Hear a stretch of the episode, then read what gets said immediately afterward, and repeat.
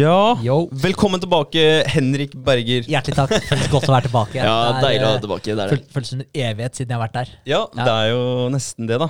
Selv om tida går jævlig fort, så er det jo to uker siden du var her. Yes. Ehm, og, og podda, i hvert fall. Ja, Jeg har hørt på podene deres, Ja. episoden deres, og Ja. dere gjorde en meget god figur. Jeg digga å høre på den, så det var helt greit å være borte, hørte jeg. Så bra. Ja, så bra. Ja, Ja, det er godt å høre. Kult. Og det betrygger jo de som hører på nå, at de kan gå tilbake og høre en jævlig fet pod på forrige episode. Definitivt. Mm. Definitivt. Yes. Uh, hva med deg da, Vegard? Fikk du, har, du, har du gjort noe av den Eller har du tatt den utfordringen som jeg ga deg sist? Um, eh, Jeg kan si det, at Dere, som sagt så snakka vi om holdninger eh, forrige podkast. og jeg jobba natthelg den helga her. Ja. Uh, så holdningene mine altså, jeg levde ikke helt opp til eh, til podden. Opp til podden, for å si det sånn. Nei. Det gjorde jeg ikke. Uh, nei, jeg var litt misfornøyd med livet akkurat de tre dagene der. Det, det var jeg. Og når du, når du bare får ting slengt i trynet, da, selv om du prøver å komme med en god holdning, så er det veldig vanskelig å holde, holde seg positiv. da. Det er Ja. det. Så jeg fikk en liten utfordring der, men det går jo selvfølgelig bra. Det gjør det. Men eh, man, man føler på motstand da, veldig ofte. Spesielt eh, når man jobber eh, natt. Når man er trøtt og så videre. Så, så er det tungt når du får uh, kjipe jobber. Det er det. Det er liksom ekstra tungt. Det er Ja. det. Og da, da er det vanskelig å holde gode holdninger. Da. Det er det. Ja. Jeg tenkte på den der siste, var helt på, på slutten av, uh, av holdningsbiten vår. Så jeg har ikke vært flink, bare for å ta, ta den først. Men jeg snakka om eh, behandle alle mennesker som om de er den viktigste personen. Ja. Fordi de er det for dem selv. Eh, jeg tenkte jeg skulle gjøre det, men eh, det, det har jeg glemt bort. Eh, så jeg har glemt at folk er viktige. Ja, ja men, men det er lett å tenke det, og så er det, det er vanskeligere å Man må bruke det som en vane, man må Yes. bevisstgjøre seg på det, og så må man ta seg i det i hverdagen. Kontinuitet, altså kontinuerlig arbeid, det der, altså. Ja. Men jeg tenker bare det å opprettholde det å faktisk hilse på alle sammen som du går forbi. Spesielt på jobb. da. Det gjør jeg jo hver gang jeg går til eller fra jobb. Så bare hilse på absolutt alle. da. Og så blir jeg nesten irritert hvis de titter i bakken og ikke hilser tilbake. Ja. ja, Men eh, det er jo en god greie, da. Og folk blir jo jævlig glad når du faktisk hilser på dem. Det er Ja. mange som du kan gjøre dagen for noen, da. Mm. Hvis er du veldig, hilser på dem. veldig sant. Ja. Med et litt genuint smil på toppen der, så er mye gjort. Men jeg, jeg syns det er litt artig ja, når, jeg, når jeg treffer noen, og så smiler jeg og hilser på dem, og så ser jeg at de blir sånn brydd eller bare ser i bakken og sånn, så syns jeg egentlig det, jeg synes det er veldig gøy. Så, Ja. Fordi de ser så, jeg syns det er så rart at ikke du bare hilser tilbake. Så, Ja. så jeg, så jeg syns det er litt komisk, faktisk. Litt sånn tragikomisk. Så jeg, Ja. jeg, så jeg, synes, jeg blir ikke irritert, da. Jeg blir egentlig nesten på, så jeg begynner å flire litt for meg sjøl. Ja, men jeg, blir sånn jeg har lyst, lyst til å bare hilse igjen, da. Og Ja. igjen. Hele, Hei, hei. Hallo! Ja. Nei, jeg ser det. Ja. Ja, bra. Men jeg, jeg hørte jo på podden sist, som sagt, og, og tenkte litt i forhold til det jeg hadde lyst til å prate om i dag. Og, og så titta jeg opp på bokhylla mi.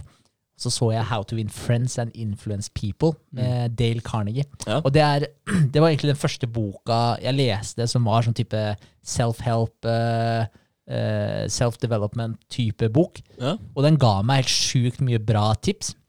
Så jeg har kjøpt den, og jeg har gitt den i gave, i hvert fall til to. Jeg har gitt den til deg, André. Jeg har fått den. Eh, og jeg har gitt den til pappa. Han fikk låne av meg. Så jeg vet ikke, ja, jeg tror ikke jeg kjøpte den til, men han fikk låne av meg. Så jeg ja, gitt den til, lånt den bort til et par stykker da, som, eh, som har lest den. Og det er en, eh, den har så mye, sykt mye bra tips. Og det gikk faktisk, det var et par overlappende tips inn også. Ja. Så jeg eh, tenkte at jeg skulle gå gjennom den. Eh, men så kom jeg bare halvveis, for det var, eh, det var jævlig mye bra å ta med. Ja. Så, jeg, eh, så jeg kom bare halvveis. Så, jeg tenkte rett og slett at jeg skulle dele den opp litt i to. At jeg tar halvparten nå. For jeg hadde ikke lyst til å frese gjennom de siste prinsippene i den boka heller, for da føler jeg at det, eh, det er litt waste. Ja, ja, men da Ja. kommer resten i en annen, annen pod, da. Jeg tenkte det. Ja, kult. Ja, Ja, det er kult. En oppfølger. Ja. Nice. Sequel på Dypt vann, det er første gang. Ja, det. to Det er første gang, continued, ja. Så, ja, så da blir det kanskje noen gjester imellom, men, uh, men det, det får gå. Det får gå. Det er Ja. bare, det er bare kult. Ja, ja. Så ja, men anyways da, eh, How to Win Friends and Influence People. Uh, Dale Carnegie, eh, han eh, skrev den boka eller de ga ut den boka her i 1936. Så det er en, Å ja. Det er såpass gammelt, ja. ja, Kult. den er old school. Ja. Eh, men det som er litt kult med det, er jo at de prinsippene er så tidløse. Så de, de fungerer like godt i dag som de gjorde da. Ja. Og, og det er litt kult. Uh, men uh, det står liksom innledningsvis da i boka i forhold til hva den på en måte vil hjelpe deg med, og det er uh, litt for å ja, få en litt sånn overordna setting om hva man kan forvente. Og det er punktvis. Én, komme deg ut av en negativ mental spiral.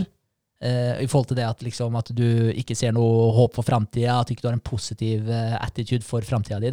Mm. Eh, og så er det at du tenker nye tanker, skaper nye visjoner og oppdager nye ambisjoner. Eh, nummer to det er å få nye venner raskere. Mm.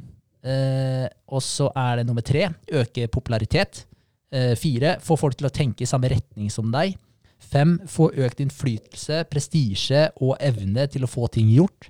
Seks takle klager, unngå diskusjoner, holde dine menneskelige relasjoner sunne og intakte. Nummer syv bli en bedre taler og en mer underholdende samtalepartner.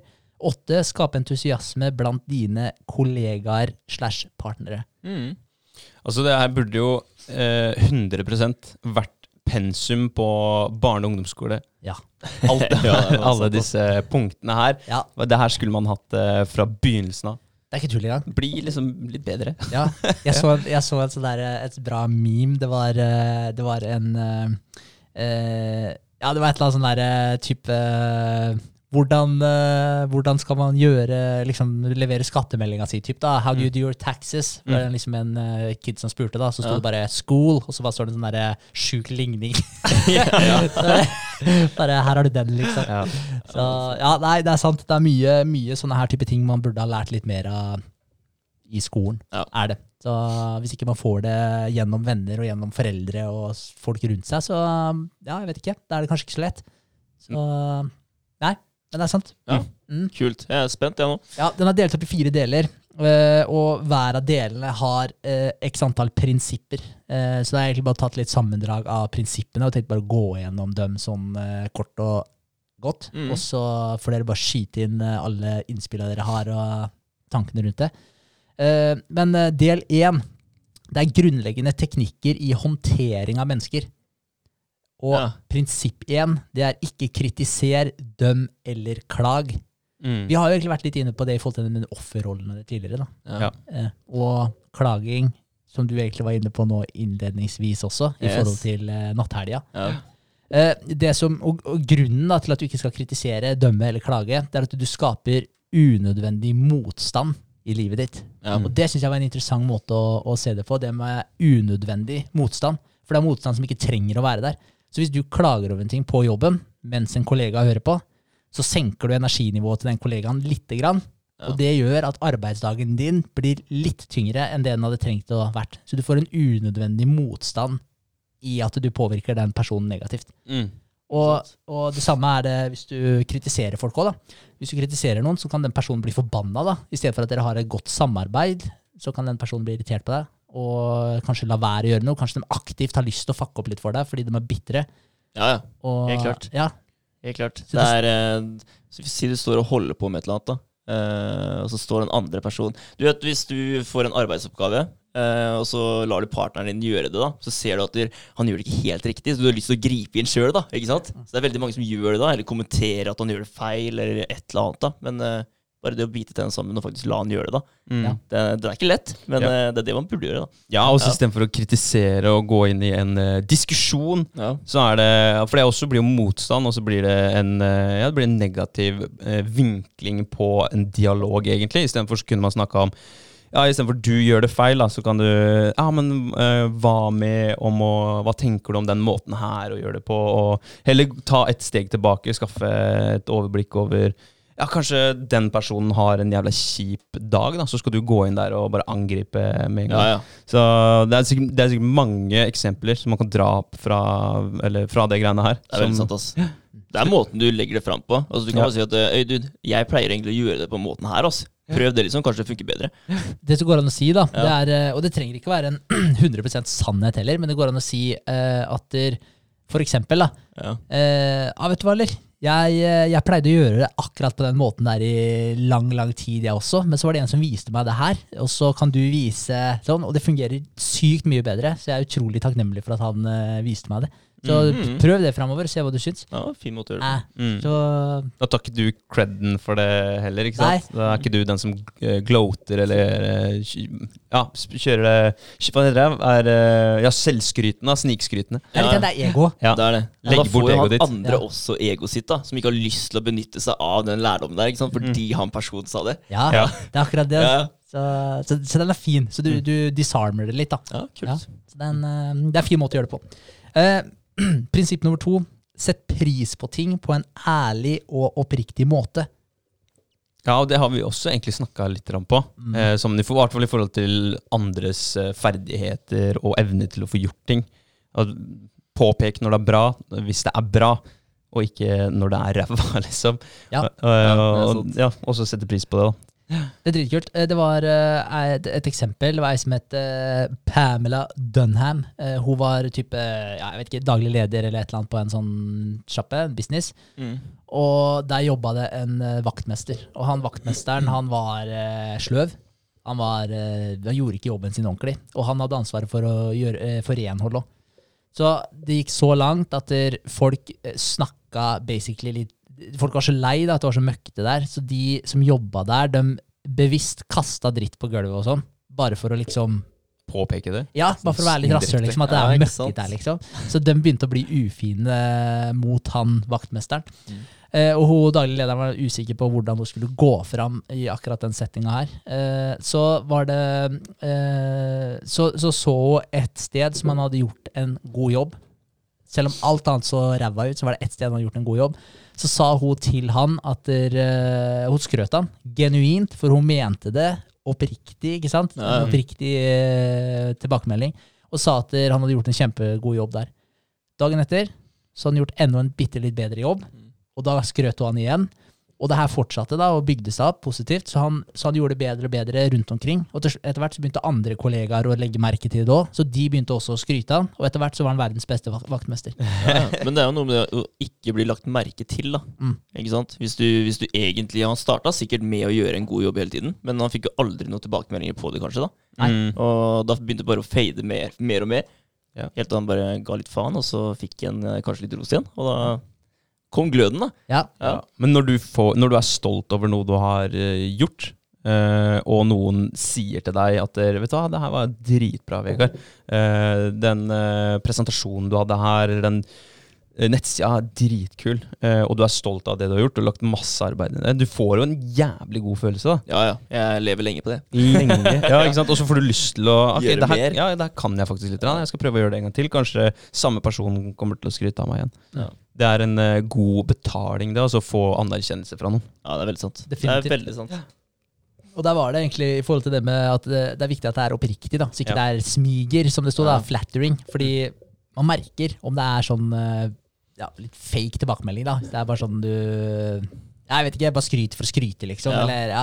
Om det blir for ofte, da. ja, Mm. Ja. Bare Ja, ok, nå kan du roe deg ned, liksom. ja. Ja, eller Ja. sånn uh, rumpeslikking, liksom. Ja. bare Ja. for å få et eller annet. Ja. Ja. Så, så se etter liksom Ja. Se etter det som du virkelig setter pris på, da. Mm. Og, og, og skryt av det. Mm. Uh, og så er det Men det, det er jo litt det egentlig dere snakka om òg, da. Alle du møter er den viktigste i verden. For det, det er jo egentlig akkurat det der det går ut på. Da Være ydmyk nok til å innse at alle du møter, kan faktisk lære deg noe. Alle du møter, er flinke i noe som nødvendigvis du kanskje ikke er så flink i. Mm. Og alle sammen har gode kvaliteter. Mm.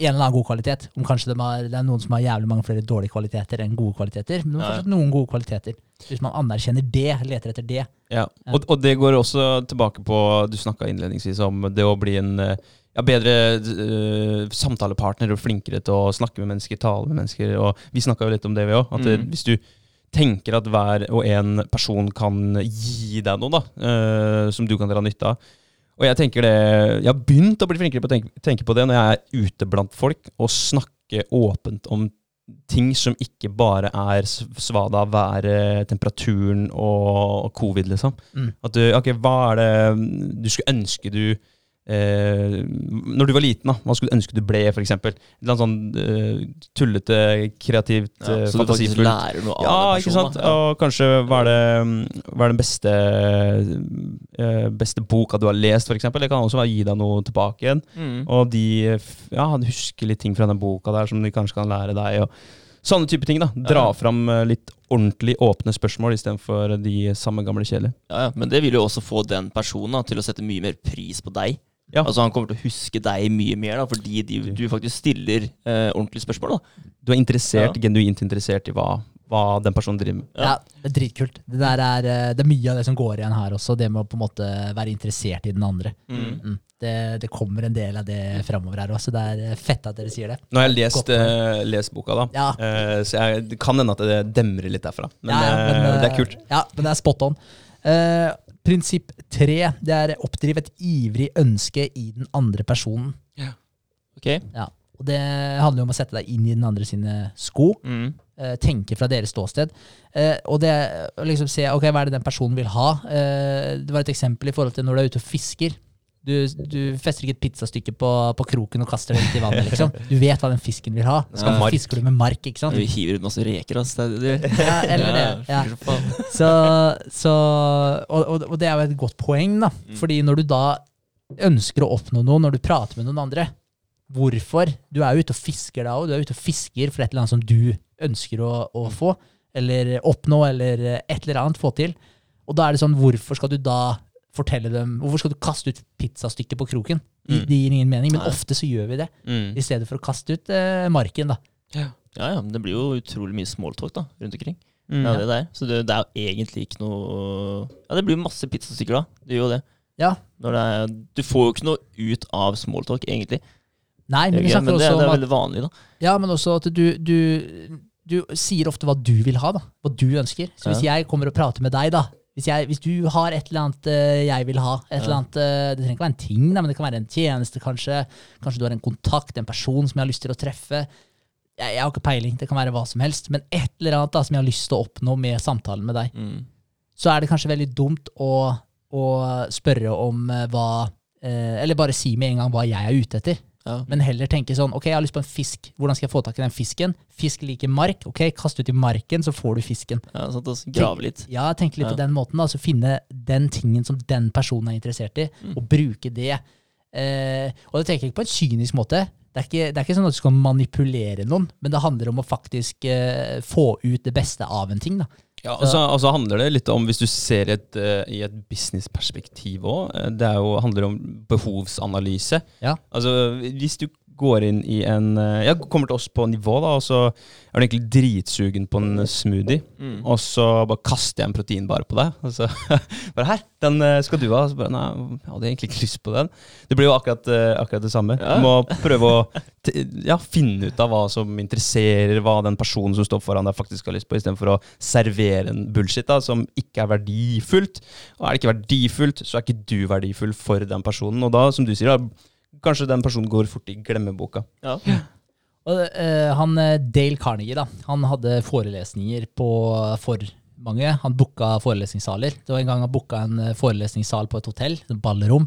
Så man skulle ha 20 forelesninger da, gjennom hele sommeren. Uh, og, det, og han hadde solgt billetter. Det var utsolgt. Uh, og han Ja, for det, altså det var jo forhåndsutsolgt, da. Selvfølgelig. Og han, eh, brått så får han beskjed fra hotellet at de skulle øke prisene med 300% leieprisene. Og han var sånn What the fuck, det her går jo ikke. så han fikk jo bakoversveis Ja. og tenkte at det, det, her, eh, det her nytter ikke. Han kunne ikke betale 300% da hadde ja, Da hadde han gått penger spillinga, ja. på å ha foredraget. Ja, det, det, bare, det var ikke feasible for han. Nei. Så tenkte han ok, hvordan kan jeg løse den situasjonen her på best mulig måte? Og det han gjorde, og det er så jævlig kult, for han dro da til han der eh, hotellsjefen, eh, og så satte opp et møte på han. Eh, og så kom han inn, og så sa han basically til han at du, når jeg fikk den beskjeden om at dere hadde økt leia med 300% så så ble jeg veldig veldig overraska. Jeg fikk litt bakoversveis, for å være helt ærlig. Men eh, samtidig så skjønner jeg jo veldig godt at eh, du gjør det. Eh, din jobb er jo å tjene penger for det hotellet her, og hvis ikke du hadde tjent penger, så fortjener du nesten å få sparken. Så, så det er jo jobben din, og det er businessen du driver her, så selvfølgelig må du gjøre det. Eh, men jeg tenkte bare å eh, ja, bare vise deg litt eh, fordeler og ulemper, da, for min del. For 300 eh, prosent er Ja, det var en stiv økning. Mm. Så, tok jeg fram en papirlapp og så tegna en strek på midten. Så sa han fordelen da med å øke det med 300% det er jo at da, da kommer ikke jeg til å leie her, og da får du jo fri, eh, frigjort den tida. Så da kan du jo leie ut det til noen andre som faktisk skal betale deg 300% Så det er jo selvfølgelig en fordel for deg. Mm. Uh, ulemper, det er jo at der, uh, jeg uh, drar jo med meg mange eh, kunder hit. Eh, og, eh, liksom, og du får jo god reklame for hotellet ditt. Eh, med, og de jeg har forelesninger for, det er på en måte kultiverte mennesker som er oppegående folk. da. Det er gode folk å, å få inn i hotellet ditt og se på det, så det er en veldig god reklame for deg å ha dem her.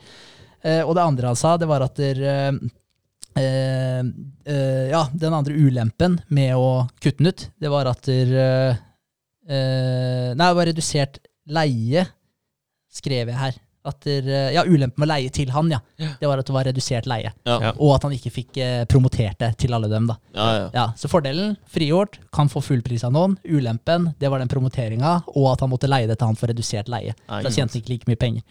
Og da sa han bare, Så jeg bare ville at du skulle bare ja, overveie det, og så ja, tenke litt på det. Og så, Det var egentlig bare det jeg hadde lyst til å si. da. Så han sa aldri prisen til den, han sa ikke hva han ville, eller noen ting. Han sa bare at 300% det var basically uaktuelt. da. Mm. Eh, og så dro han derfra. Dagen etter så fikk han eh, tilbakemelding, og da hadde han sagt at han kunne få fortsette å leie det for en 50 økning. Okay. Så en sjettedel av det det egentlig skulle være. Mm. Uten at han hadde sagt det i det hele tatt. da. Ja. Og, og en vanlig reaksjon i det tilfellet der, det er jo bare Nei, at du snapper. Ja, Ja, fuck you, er du sjuk i huet ditt? Jeg kan ikke gjøre det her. altså Det her funker jo ikke. Er du, du, altså Etter jeg har solgt billetten, er du helt tett, liksom. altså Det er jo på en måte den Hva skal jeg si? Den Umiddelbare Ja. ja, umiddelbare reaction, reaksjon. ja. Ja. Og, men der snakker du om da, å finne liksom Hva er det fisken vil ha? Den vil ha mark, ikke sant? Ja. Mm. Det er et ypperlig eksempel Ja, på det. sant, altså. ja, han vil opp med penger, da. Yes. Ja. Men også er det ja, en annen ulempe. da Sikkert eh, ikke dritlett å få booka ut eller solgt ut alle de plassene som han har solgt ut eh, på kort varsel, heller. da Nei, Nei, så, så det er jo ustrategisk. 300% det er mye, altså. det er mye. Det er mye. Men det er en genial måte å gå fram på. da Og, og det er mange som er, kvier seg for å ta, bare ta den dialogen nå, ikke sant? Og da bygger man opp et sånn der, eh, stressmoment, og så blir det bare en helt jævlig kaos eh, samtale. Ja. Men han har eh, tatt et steg tilbake, ikke sant? Ja, han gjorde nok det. Han, tok, han pusta okay. nok eh, litt grann før han tok den samtalen der. Ja. Ja, Og Tenkte litt. Ja, ikke sant? Ja. Akkurat det han gjorde. Tenkte litt, og så klarte han å finne ut hva er det den personen her vil ha, Mm. Mm. Ikke sant? og adressere det da, Ja, på en litt indirekte måte. Ja. Så det er, eh, jeg digga det. Og det som er så kult med boka, her, er at den har, den har så mange sånne eksempler. Da, sånne skikkelig praktiske eksempler. Som gir deg tydelige bilder på, på, på alle, alle de tipsa som ligger i boka. Yes. Ja. og det er, det er veldig kult. Jeg har selvfølgelig ikke tatt med alle, for da hadde vi sittet her i, til i morgen, tror jeg. Men, eh, ja, eh, men det er på en måte eh, hva skal jeg si, oppsummering av del én, grunnleggende teknikker i håndtering av mennesker. Ja. Eh, og så er det del to. Da er det seks måter å få folk til å like deg. Mm. Eh, prinsipp én bli genuint interessert i mennesker. Eh, der var jo dere litt eh, inne på den eh, i stad. Det må være interessert i den andre. Eh, Mm. Man hadde et eksempel også med hunder. Altså, De fleste liker hunder. Altså, Jeg vil si anførselstegn alle liker hunder. Mm. Og hvorfor det? Det er fordi den bikkja er alltid glad for å se deg. Den Ja, ja. digger deg, og den vil ikke ha noe tilbake. Den bare er genuint glad for å se deg. da. Den vil bare ha kjærlighet av deg. Mm. Ja. Ja. Det er det den vil ha. Er. Oppmerksomhet. Kjærlighet. Mm. Og, og derfor liker man bikkjer. Fordi de er oppriktig, genuint interessert i deg. Mm. Så vi må egentlig logre hver gang vi ser mennesker. Fordi da, da Ja, da blir de jo glad da, for å se oss, og da blir det en eh, jævlig god Det blir god stemning. Ja, det er Gode bare holdninger spres. dra på smilebåndet hans. Ja. Definitivt. Uh, og vi er, men vi er jo generelt uh, forholdsvis egoistiske. Da. Alle, alle har seg sjøl i fokus. Så, sånn er det bare. Og, og det er jo sikkert uh, instinktivt og at liksom du, du vil jo overleve. Du vil jo gjøre det best mulig. Og da er det naturlig at du har deg sjøl i fokus. Eh, det var et sånt telefonselskap i New York som hadde gjort en, eh, en analyse av det mest brukte ordet i telefonsamtaler. Og okay. kan dere gjette hvilket ord det var? Ei, eller? Ja, ja, ja. Ja, helt riktig. Så det ble brukt eh, De tracka 500 samtaler, og det ble brukt 3900 ganger. Å, Mm. fy faen. Ja. Shit. Det er ganske mye. Det er mye. Uh, og, og et annet eksempel også er vi fått et uh, gruppebilde. Hvis vi tatt et gruppebilde, hvem er den første dere ser på? Og selv, ja. Hvordan ser jeg ut? Det er, altså, det er første, altså, vi er er sånn, altså. ja, ja. Gjorde det sist i stad. vet du. Jævlig bra. Eh, Så vi er, eh, vi er veldig opptatt eh, av oss sjøl, Ja. i utgangspunktet. Eh, Så hadde hadde noen eksempler her òg. Det var en fyr som drev en bank, som het Charles R. Walters. Eh, Og han fikk i oppgave å skrive Eller han skulle skrive en konfidensiell rapport på et selskap. Og det var én fyr da, som kunne gi han svaret han trengte, på det, for det, som jobba i det selskapet han skulle skrive om. Mm. Eh, og så hadde han et møte med han, og han var bare lite interessert da, i å bare prate med han overhodet og gi han den infoen han trengte. Så, men han sto ute i resepsjonen egentlig hos det selskapet her og venta på å komme inn. Eh, og så hadde hun resepsjonisten, eh, eller hun sekretæren, eller hva det var, da, når hun hadde sluppet inn eh, til han fyren, så, så, hadde hun, så hadde han lagt merke til at hun sa eh, liksom, ah, 'Sorry, jeg fikk dessverre ikke tak i de frimerkene til sønnen din'. Mm. Eh, og da hadde liksom, eller da hadde han bare kommentert han der eh, fyren på det, i det firmaet. Så han bare kommenterte for han bankfyren at det liksom eh, Ja, nei, sønnen min, 12 år gamle sønnen min, han samler på frimerker, skjønner du. Så ja, så fikk jeg ikke tak i dem. Men så hadde han bare hatt en sykt uinteressant samtale. Han var ikke interessert i det hele tatt. Og så hadde han der bankfyren dratt derfra uten å få egentlig all den infoen han ville. Og så hadde slått han da at han, eh, han eh, hadde Eller banken, de samla på frimerker. For de fikk brev fra overalt, ikke sant? Ja. så de tok vare på frimerkene. Så de hadde jo egentlig en helt sjuk frimerkesamling. Så da hadde han tatt kontakt da, med han fyren her igjen og sagt liksom at eh, du, eh, vi har forresten masse frimerker her på banken, så hvis du ville en dag, så kunne du komme ned så kunne du plukka ut noen frimerker til, til sønnen din. Mm.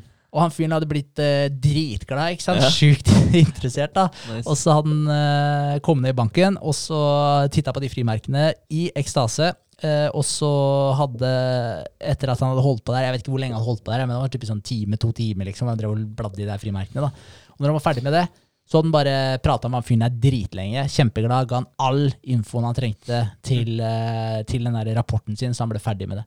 Og da hadde han ikke bedt om det engang. Nei, ikke sant. Så han drar dit først da, og ber om infoen, får han ikke, og så finner han noe som den andre er interessert i, som den andre vil ha, og så ender det faktisk med at dere, ja, får, får akkurat den infoen han trengte uten å spørre om det da. Genialt, da. Så jævlig bra. Faen. Ja. Så det var kult. Eh, og så var det et annet eh, eksempel også det var en sånn CM eh, Knaple, stakk TV-en av, eller? Ja, det skjedde et eller annet rart der. Ja, men det går bra. Det går bra. Eh, ja, så var det en som heter CM Knaple Jr. Litt usikker på hvordan man sier det navnet der. Ja. Eh, og jeg shit, skyter hele PC-en sa, eller? ja, han gjorde det. Spennende. Kan du se? Vi Ja. fortsetter Ja. med audio. Ja, ja. Eh, CM Knaple Jr. Han prøvde å selge drivstoff til en sånn litt større kjede. Uh, og, uh, men han klarte ikke å få dem som kunder. Så han hata kjeder. da Ja, ok. Han bare ble forbanna, liksom. Ja, syntes det var vanskelig å komme seg inn i det, liksom? Yes. Ja. og så så han det selskapet som da de kjøpte drivstoffet. Han så dem basically kjøre forbi ruta på sjappa hans hver dag, typ, da. Så han bare fikk gnidd det inn. da Og så, hadde han tatt og øh, øh, vært på et av de her foredragene, eller han var i det her programmet eller sånt, han der Dale Carnegie. da eh, Og så tok han øh, og prøvde å ja, da datt jeg ut av det, så skjedde det for mye greier.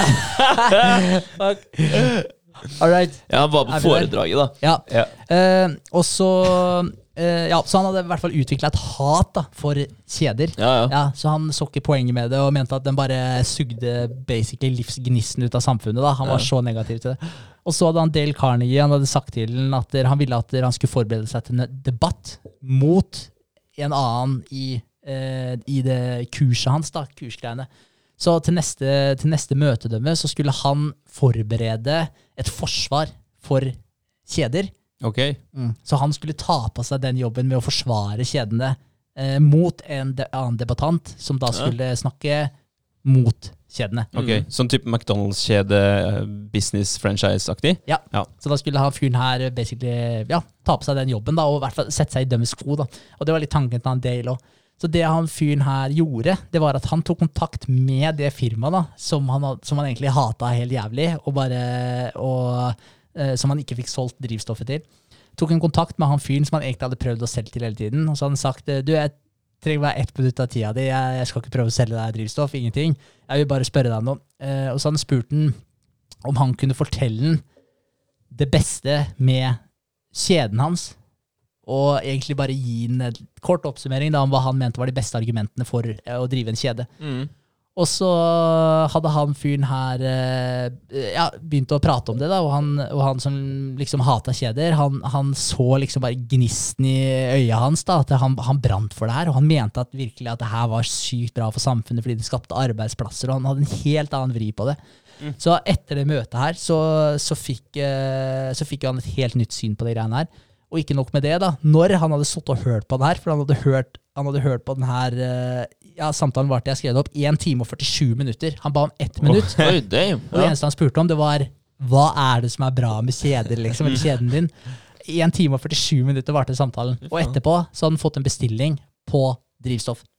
Oi, Uten å spørre om det. Ja, ikke sant. sjukt. Det si, altså. Entusiasme og genuint uh, engasjement, ikke sant? Yes. De, det selger. Altså, det er en grunn til at dere, når man står og skal pitche sin business, Ja. så skal man Man skal ha hele hjertet med seg. Du må tro på det sjøl. Ja, det er ikke bare de dollartegna du skal stå og se Ja, på da. Nei, det er veldig sant. De fleste sier jo det. Det er jo ikke penger eh, som skal være den største motivatoren for at du skal holde på med det du holder på med. Nei, du får den positive baksiden. Yes. Men det er jo noe med det at hvis ikke du tror på en ting, altså det, det høres. Det Ja, høres det. hvis du ikke er genuin. Man, man legger merke til det. Mm. Enten om det er ansiktsuttrykk, eller hvordan du bare høres ut i stemmen, eller, eller hva det er. Mm. Det, det skinner igjennom. Ja, det gjør det. Eh, og så var det et ordtak som eh, sto der. Eh, det var en romersk poet som levde for sånn 2100 år siden. Ja. Han har et veldig rart navn. Pu Publilius. Syrus. Pu- Ok. Publilius. Syrus. Uh, han sa vi er interessert i andre når de er interessert i oss. Mm. Det er et godt poeng. Men uh, det er viktig at den interessen er genuin. Da. Ja. Absolutt. Absolutt. Ja, Prinsipp to smil. ja, ass. Verden reflekterer deg. Og prøv å tvinge deg sjøl til å smile. Så hvis du har en off-dag, Ja. du føler deg litt kjip, så kan du faktisk tvinge deg sjøl til å smile. Og det, gjør, det gir en reaksjon, da, sånn Mm. at du faktisk føler deg mer glad. ja, ja. Men det her har jo du prøvd, André. Når du Ja. gikk i Oslos Ja, ja. gater, så Ja, smilte du til folk. Til folk. Ja, jeg har gjort det. Og det står på speilet mitt òg, på accountability mirror. Ja. Står det bare Det står uh, smil Ja. til speilet. Eh, fordi da smiler du til deg sjøl. Mm. Det vil igjen ha en sånn positiv feedback loop. da. Et eksempel eh, altså Hvis du tenker over det, hver gang du gjør en ting, så bygger du broer oppi hjernen din Mm. eh, som kobler ting sammen. Ta altså Si et eksempel da, som jeg hørte Eller jeg, jeg hørte ikke, jeg hadde en diskusjon med, med noen jenter om det her eh, i dag, faktisk. Eh, type mensen og eh, cravings. Da, ja, alt gikk til helvete forrige uke, Fordi da hadde jeg mensen, så jeg bare spiste masse drit og sånt. Og? Ja, ja. Men gjør du det ofte, eller? Hver gang du har mensen, liksom? Spiser du mye snop da? Ja. Ja, ja, hver gang. ja, men da har jo du fortalt kroppen din også. Det er ikke bare hormonene som gjør at du har lyst på snop. Det er jo sånn, Hver gang du har mensen, så har du kobla en bro mellom Oi, unnskyld. Mensen og eh, Faen! jeg skal ikke gestikulere. Jeg blir bare sånn skikkelig utilpass når jeg snakker om mensen for mye. Nevner mensen en gang til nå, så dør jeg, altså. Okay. Ja. Men da kobler jeg en eh, bro da, mellom, eh, mellom snop og, og det, da. Ja. Så, Fy faen. Jævlig bra. Men ja, Ja. hva Ja, sa men du det er sant, da. ja, ja, og Ja, ja ok, ja, det, det er kanskje sant, det. Ja, ikke sant? De sa akkurat det, det samme. Eh, det, for det, det er ikke bare eh, hormonene som skal ha skylda. Det er valga du tar, eh, stort sett, som setter hormonene i sving. Nå skal ikke jeg si at jeg kan alt om, eh, om the period. Hæ? jeg kan ikke det. Men, og jeg har en eh, samboer også som eh, alltid skal ha snop eh, når hun har tida si. Ja. Så, um, så jeg vet ikke. Men, men poenget mitt da, det var smil, og du, vil, du vil kjenne den gode følelsen som, som du har når du er glad. Og det er fordi du bygger broer mellom de smila du har, da, Ja. og de gode følelsene du har når du smiler. Ja. Det er, det det er et godt poeng. Og, og det, er, det som er litt kult, det er at dere Jeg har hørt uh, flere uh, snakke om det. Altså Når du hører folk som uh, Sånne high achievers. Når du hører de blir spurt ja, har du noen gang dårlige dager. Nei, nei, jeg har ikke dårlige dager. Jeg har dårlige altså, perioder. Altså, Ja. Og da snakker vi sånn ja, Dårlige øyeblikk er det de har. Fordi de er så jævlig gode da på å switche om tankesettet sitt. Mm. Så de lar ikke seg sjøl drive og grave seg ned og bare tenke alt det negative. Før de beveger seg opp igjen og tenker ok, hva kan jeg gjøre med den situasjonen her, hvordan kan jeg snu på det. Og Det er jo det samme, det er reps hele veien. Mm. Så, og det er, det er litt kult, så første gang jeg hørte en sa det, så bare nei, jeg har ikke dårlige dager. Jeg bare hæ? Har du ikke dårlige dager? så, men ja, Ja. det, det funker. Ja. Vi gjør det. Det, er- det, det er mange triks da som må, må legges inn eh, for å klare det. Det krever Ja, trening, altså. krever Det det. eh, mange repetisjoner, som du sier, eh, Henrik, og, og kanskje flere ting òg. Ja. sånn hvis du, er, hvis du har en eh, mediocre dag, da, og så kommer uh, Ta tar partner-eksempel hjem og har en under mediocre dag, og prøver liksom Ikke prøver, men uten at det er eh, et eh, Ja, at det er eh, med Ja, uten at det er med overlegg, holdt jeg på å si. At de, de gjør det med vilje. Mm. Men de, de drar deg Jeg tror de gjør det med vilje, altså. Ja, du tror det. Drar deg det men, men det er så vanskelig å ikke bli påvirka. Ja. Eh, og, og, men det, og da er det vanskelig å bare smile tilbake, ikke sant, når de eh, er der, da. Ja. Eh, så da kanskje du må faktisk gå ut, altså fjerne deg fra situasjonen og puste litt. Da. Ja, Her så kan du bare gi dem litt godteri, da. For det er, Ja, det, det hjelper. Nå har en ja, dårlig ja, ja. Men det er jo litt sånn da, sånn som mensen og godteri. Liksom. Jeg tenker at eh, Godteri gir deg en god følelse. Og du vet at mensen kommer nå. Nå får jeg en dårlig periode. mm. Da trenger jeg det godteri, for der er det gode følelser. Ja. Så kanskje du klarer å jevne litt. Grann, da. Mm. Ja, ja, fort. Ja. fort. Kortvarig glede, da. Kortvarig Ja, ja. godfølelse. Det er noe med det. Når du crasher av uh, sugar highen etterpå. Men, det, eh, ja. Men der er det litt i forhold til eh, ja, det med litt konsekvenser og sånn òg, da. Det er så, for jeg så en eller annen prate om det. Det var uh, han jeg alltid glemmer navnet på. Peter Sage. Ja. Eh, så jeg prate om det. Og altså det her med, med ja, konsekvenstenking generelt. At det veldig ofte så Jeg tror du har sagt det her for mange podder siden, men på, for eh, veldig mange avgjørelser som man tar, eh, og når konsekvensen Når du får en god følelse rett etter du har gjort det, Mm. eller underveis mens du gjør det, egentlig, da, ikke rett etter, kanskje underveis da, mens du gjør det. Før du skal gjøre det, så er det et enkeltvalg, og det gir deg en god følelse der og da. Som f.eks. å spise noe godteri. Så er det ofte det dårlige valget for deg. Samme med å ta deg en sigg, eller en snus, eller en øl, eller hva det måtte være. Altså, det, gir deg, det gir deg kortvarig glede, men det er ofte det dårligste for deg long term. Men det som er helsike for deg å gjøre akkurat der og da, kanskje det å komme deg på trening, stå opp drittidlig, være produktiv og gjøre alle de tinga her, det er ofte det som er best for deg i det lange løpet. Spise bare kjøtt. Er, men men som, eh, som er det verste å gjøre der og da. da. Mm. Så, så det er egentlig stikk motsatt. Så det du egentlig burde gjøre, er de tinga som du har minst lyst til å gjøre i nuet. Mm. Ja. Og det er, eh, den er verdt å tenke på. Mm. Men da, vi, når jeg har snakka om det Jeg har snakka om det for litt siden, men det, da var det i forbindelse med Jeg tror det var helsegevinster, stort sett. Og det er vanskelig som du sier da, å motivere seg for ting som skjer om tre år. Ja. Eh, fordi vi, vi er så avhengig av den dopamin-releasen hver dag, hele tiden. Så vi blir late, da. Egentlig, eller late i hermetegn, for vi er jo egentlig ikke det. Vi er egentlig ganske produktive. Det er bare det at vi, vi fokuserer på altfor mange ting på en gang. Vi skal se den serien på Netflix, vi skal spise det godteriet, vi skal ta øh, en lur på sofaen, vi skal komme oss på trening, vi skal uh, henge med kompisene, vi skal skulle ha vaska, vi skulle ha? Det er så jævlig mye vi skal gjøre. Og det er så mye som skal uh, holde oss uh, komfortable og, og please oss hele tiden. Så det vi mangler, er egentlig en kikkert eh, å titte gjennom som eh, har det overordna målet i, i eh, sikte, mm. og fokusere på det. For da, ja, da har du det da, som, eh, som drar deg, istedenfor alle de der distraksjonene som, eh, som drar deg hele tiden. Ja, det er veldig godt poeng. Altså, du, må, du må gi deg sjøl en grunn til hvorfor du skal ta det vanskelige valget. Mm. Eh, og hvis ikke du har et mål om å for eksempel være i god form, hvorfor skal du da gidde å etterstrebe å dra på den treninga? Mm. Så, så hvis, hvis du på en måte har lyst til å være sunn og frisk for å være der for eh, barnebarna dine en gang i framtida, så, Det er så jævlig lenge til. det er jævlig lenge til. Mm. Men greia er at der, hvis, du, hvis det er viktig for deg, Ja.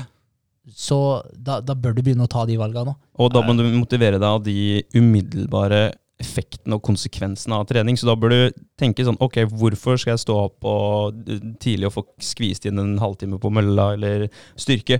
Jo, fordi at resten av dagen blir så mye bedre. Mm. Uh, og det er den derre hukommelsen, kreativiteten, humøret, konsentrasjonsevnen. Altså alt blir litt bedre. Og der har vi den derre 0,1 eller 1 inn i bildet òg. Hvis du forbedrer deg med 0,1 eller 1 hver eneste dag, så blir det ganske mange prosent. Ja, ja. Definitivt. Og, og det var litt kult, eh, for nå kom jeg på den der Skinners Rats. Altså han Skinner, da, han der forskeren som drev og forska så sjukt mye på rotter. ja. Eh, Så han gjorde jo masse forsøk på de. Og for den her også har jeg sagt for 100 ganger siden, men den er verdt å gjenta. For det var jo i forhold til det her med motivasjon, å ha noe å etterstrebe, men også eh, skape Eller vet du hva, la meg ta forsøket først, så ikke jeg spoiler konklusjonen hva han kom fram til. Men, men han testa på mus da, i forhold til det med Han festa en fjær som han målte trekkraften med, da, som han festa i halen på musa. Eller rotta. Ja, Skinners rats, det var rotter. Ja. Ja. Så festa han i halen på rotta, eh, og så frista han med en ostebit. Og da kunne han måle motivasjonen til musa, eller rotta, Ja, hvor hardt hardt den trakk. Ja. Ja. Så det var dritkult. Eh, og, det, den, eh, og det han så, var at der, eh, han sulta eh, musa ned til type sånn 60% av kroppsvekta deres. Så de var, de var virkelig gira på å få den ostebiten. Eh, og da så han at der, eh, jo mer de var, eller jo mer sultne de var, og jo hardere trakk de, jo mer motivert var de for å få tak i den ostebiten. Men det han så, da, det var at han, hvis han introduserte katteodor i tillegg Ja. Odør? Odor? Odør, ja. Ja, Ja. odor. Odor. Odør. Ja. Odør. Ja. Odor. ja. Hold it on. Ka- eh, Katteodør. Ja. Ok. Eh, så hvis han introduserte katteodør inn i buret samtidig, Mm. så trakk musa enda hardere. Og det han på en måte oversatte det her til, da, det er at det, eh, sånn motivasjonsmessig så bør du ha to ting. Du bør ha ett mål som du etterstreber å nå, men du burde også ha noe bak her som presser deg i den retningen som du er redd for. Mm. Så det du kan gjøre, da, det er å eh, Det hørte jeg fra Jordan Peterson, for han snakka om det forsøket her. Og han sa at det en veldig effektiv måte å motivere deg sjøl for å gjøre det beste ut av situasjonen din, gjøre det beste ut av livet ditt. Det er at du skaffer deg et overordna mål som du sikter deg inn på. Det er det her jeg har lyst til å oppnå, eller i hvert fall delvis, da, så du får den, den røde tråden din i riktig retning. Mm. Eh, sånn at du er i hvert fall på vei i riktig retning. Eh, du trenger ikke treffe spot on, men i hvert fall at du ikke er på vei eh, feil vei. Ja, ja. Og det andre det er å identifisere eh, det verste. da. Hva er det verste tenkelige stedet du kunne holdt på? Se Hvis du har de dårlige vanene dine, og du bare kjører dem til det ytterste, hvor kan du faktisk potensielt ende opp? Mm. Og da tenker du sånn, si du, Hvis du er glad i å feste, da, si du fester fredag-lørdag.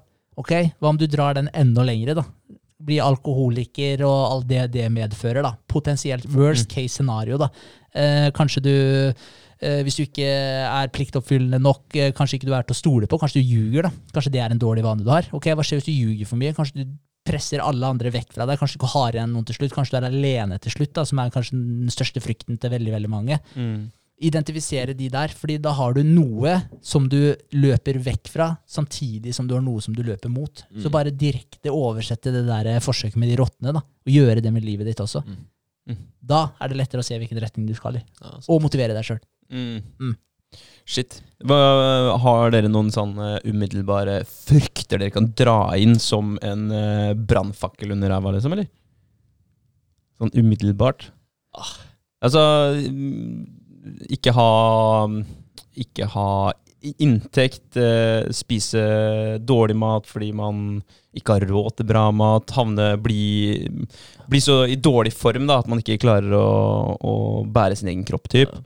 Bli alene, da. Altså, jeg tenker som eh, de du har rundt deg, liksom. Det, det tror jeg er min frykt. Jeg vil aldri miste vennene mine da. Nei.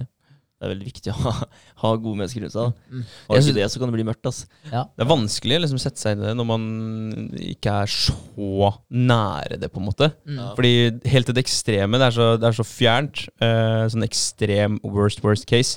Det er så fjernt. Vi Eh, har det så fint og trygt av det ja, i ja. Norge. Vi, har, vi opplever ikke den, vi føler liksom ikke på den skumle hverdagen da, som veldig mange andre gjør. Nei, hva er I det er statene da, så er det utrolig lett å gå konkurs, og da sitter du der, ikke sant? Tapt alt sammen. Men uh, her får vi støtte. mm. Nei, vi har et sikkerhetsnett, Ja. uten tvil. Men, uh, men jeg, uh, ja, jeg er selvfølgelig enig i det. Altså, det er, jeg har ikke lyst til å ende opp alene. Overhodet ikke. Men det er som du sier også, at man, man tenker ikke over det fordi det er såpass langt unna. Mm. Men det er verdt å, verdt å prøve å tenke på for det. Mm. Eh, men men jeg, det en ting som jeg har tenkt på noen ganger, for den som er kanskje nærmest, da, det er i tilfelle eh, at jeg ikke har råd til å spise sånn som jeg vil. Mm. For det er viktig for meg at jeg får spist sånn som jeg vil, for jeg føler meg så sjukt mye bedre da. Og jeg føler at jeg virkelig tar vare på kroppen min. Og det, og det hjelper på energinivå, det hjelper på selvtilliten min, det, det hjelper på alt. da. Og det igjen eh, forplanter seg i måten jeg behandler de rundt meg på også, og hvor positiv jeg er. Eh, alt, da.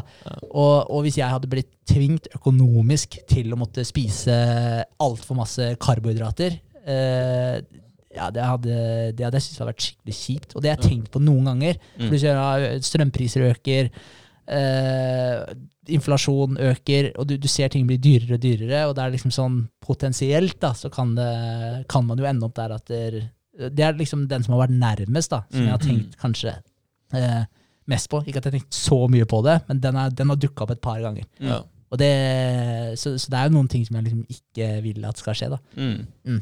Da må man ha, ha det som en liten sånn eh, brannfakkel bak seg. Ja. Og så motivasjonen eh, biffene foran seg, Ja. og, og pengene til å kjøpe biffene. Ja. Ja, Men, men, eh, men det er jo noe med det der også å kunne ta de valga man vil. Altså Hvis man virkelig tenker på det. altså sånn i forhold til Hvor kjipt er det ikke hvis noen i, i nær familie eh, har et problem, og du ikke kan hjelpe dem? mm. Og, og igjen, da, nå har vi et sikkerhetsnett i Norge med tanke på helsevesenet, sånn, så vi er, vi er veldig privilegerte sånn sett. Så, men, eh, men det er også noe å tenke på, da, hvis det er eh, en behandling som du ikke får i Norge, som du brått får et annet sted, brått koster en behandling av 300 000, og så sitter du der og så har du ikke penger til å, til å gjøre det. da. Mm. Hva om du faktisk hadde hatt det? Kunne gi noen det? Det hadde ikke trengt å vært umiddelbar familie engang. Det kunne vært bare noen, en venn, en kollega, altså hva som helst. da. Det var Ha mulighet til å gi noe sånt. Det hadde vært helt sinnssykt. Det er en sterk eh, motivasjonsfaktor, da. Veldig. Det er det. Ja, så, men ja.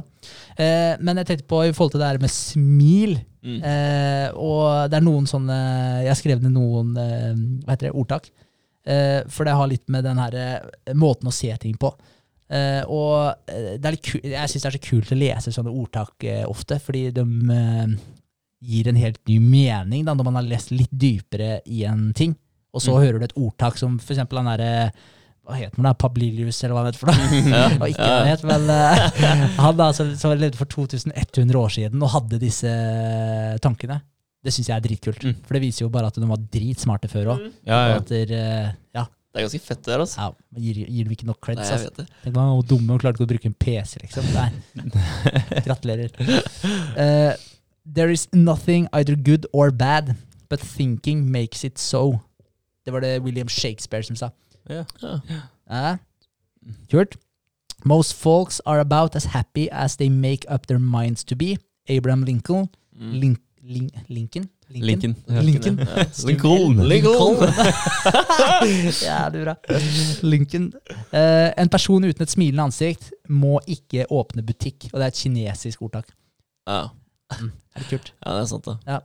Så, uh, men det er, det er noe med det. Altså, det, var, uh, det er sånn story òg. To kids som var inne i en uh, container full av dritt. Og ble stengt, stengt inne der. Og når de åpna containeren, så drev han ene og gliste fra øre til øre. og drev og lekte inni der, Og han andre var dritsur. ikke sant? Og så spurte, spurte de eh, han hvorfor han var så sur. da. Bare, Jeg står i en container med dritt, liksom. Ja, Og så spør de han andre hvorfor, eh, hvorfor er du så blid. Altså, hvis det er så mye dritt der inne, så er du nødt til å være en eh, ponni her et eller annet sted. så, så greia er at det, igjen, da, det med mindseten. Ja. Det blir, eh, ting blir bra eller dårlig ut ifra hvordan du hvilke egenskaper du Det tilhører. gjør det. Så Gjør det. det er mye å si, selv om den storyen der ikke er helt sann. Men uh, ja, uh, Prinsipp tre. Husk at en person sitt navn er den fineste og viktigste lyden de vet om uansett språk. Så husk navn. Ja, Ta vare på navn. Ja. ja Der er jeg altfor dårlig. ja, det er ikke lett. Men uh, ja. Det er noe med det å gjenta navnet i det du hilser på folk. da. Mm. Eh, jo flere ganger du gjentar det navnet i starten, jo lettere er det å huske. Nå har vi jo alle mulige hjelpemidler til å altså, jukse litt der. da. Vi, hadde ikke det, han Paul, Pu- Publilius eller noe sånt. Han hadde ikke Facebook til å gå og stalke folk på. Så, så ja. Eh, vi, vi, vi burde kanskje være flinkere til det. Jeg føler jeg er ganske flink til det. Men jeg har eh, ja, gjennom jobb egentlig bare blitt, eh, blitt flink. Ja, men nå har vi jo alle de hjelpemidlene da, som gjør at vi ikke trenger å være så flinke Ja, det det, det, til å huske det. Mm. Før så var det jo Ja, Mm. ikke sant? Før så kunne jeg jo alle sitt uh, telefonnummer. I dag kan jeg jo ingen.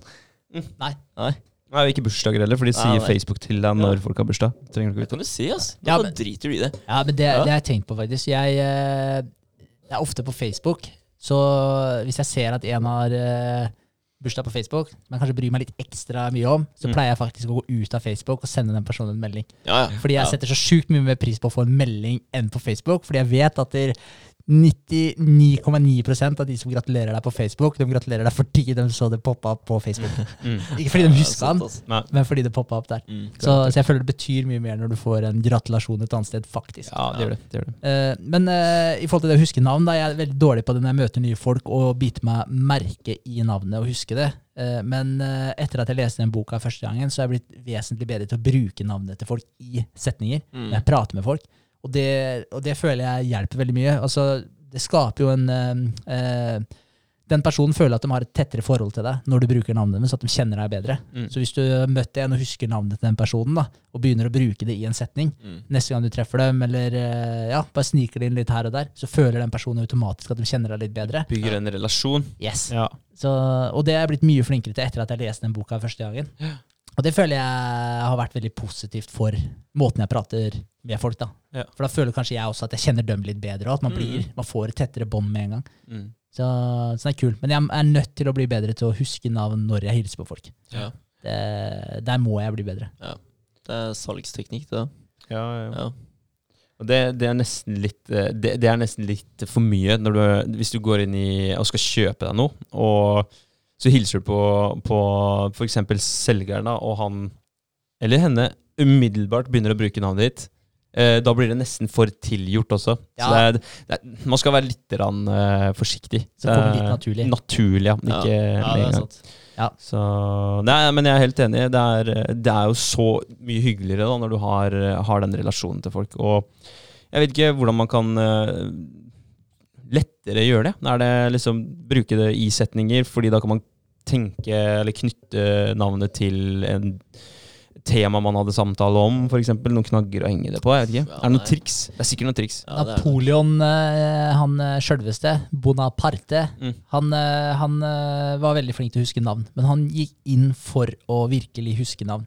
Så det han gjorde var at eh, når han hilste på folk, så, så gjentok han alltid navnet flere ganger oppi hodet sitt til det på en måte satt. Mm. Mm. Eh, og så hvis det var en eh, person som hadde et litt vanskeligere navn, eller han ikke hørte navnet, så spurte han alltid om personen kunne gjenta navnet, for han catcha det ikke helt. Hvis det var vanskelig å skrive, eller hvis det var vanskelig å uttale eh, navnet, så spurte han alltid om de kunne stave navnet for han, for han var interessert i å høre hvordan det sk skrivdes. da. Mm.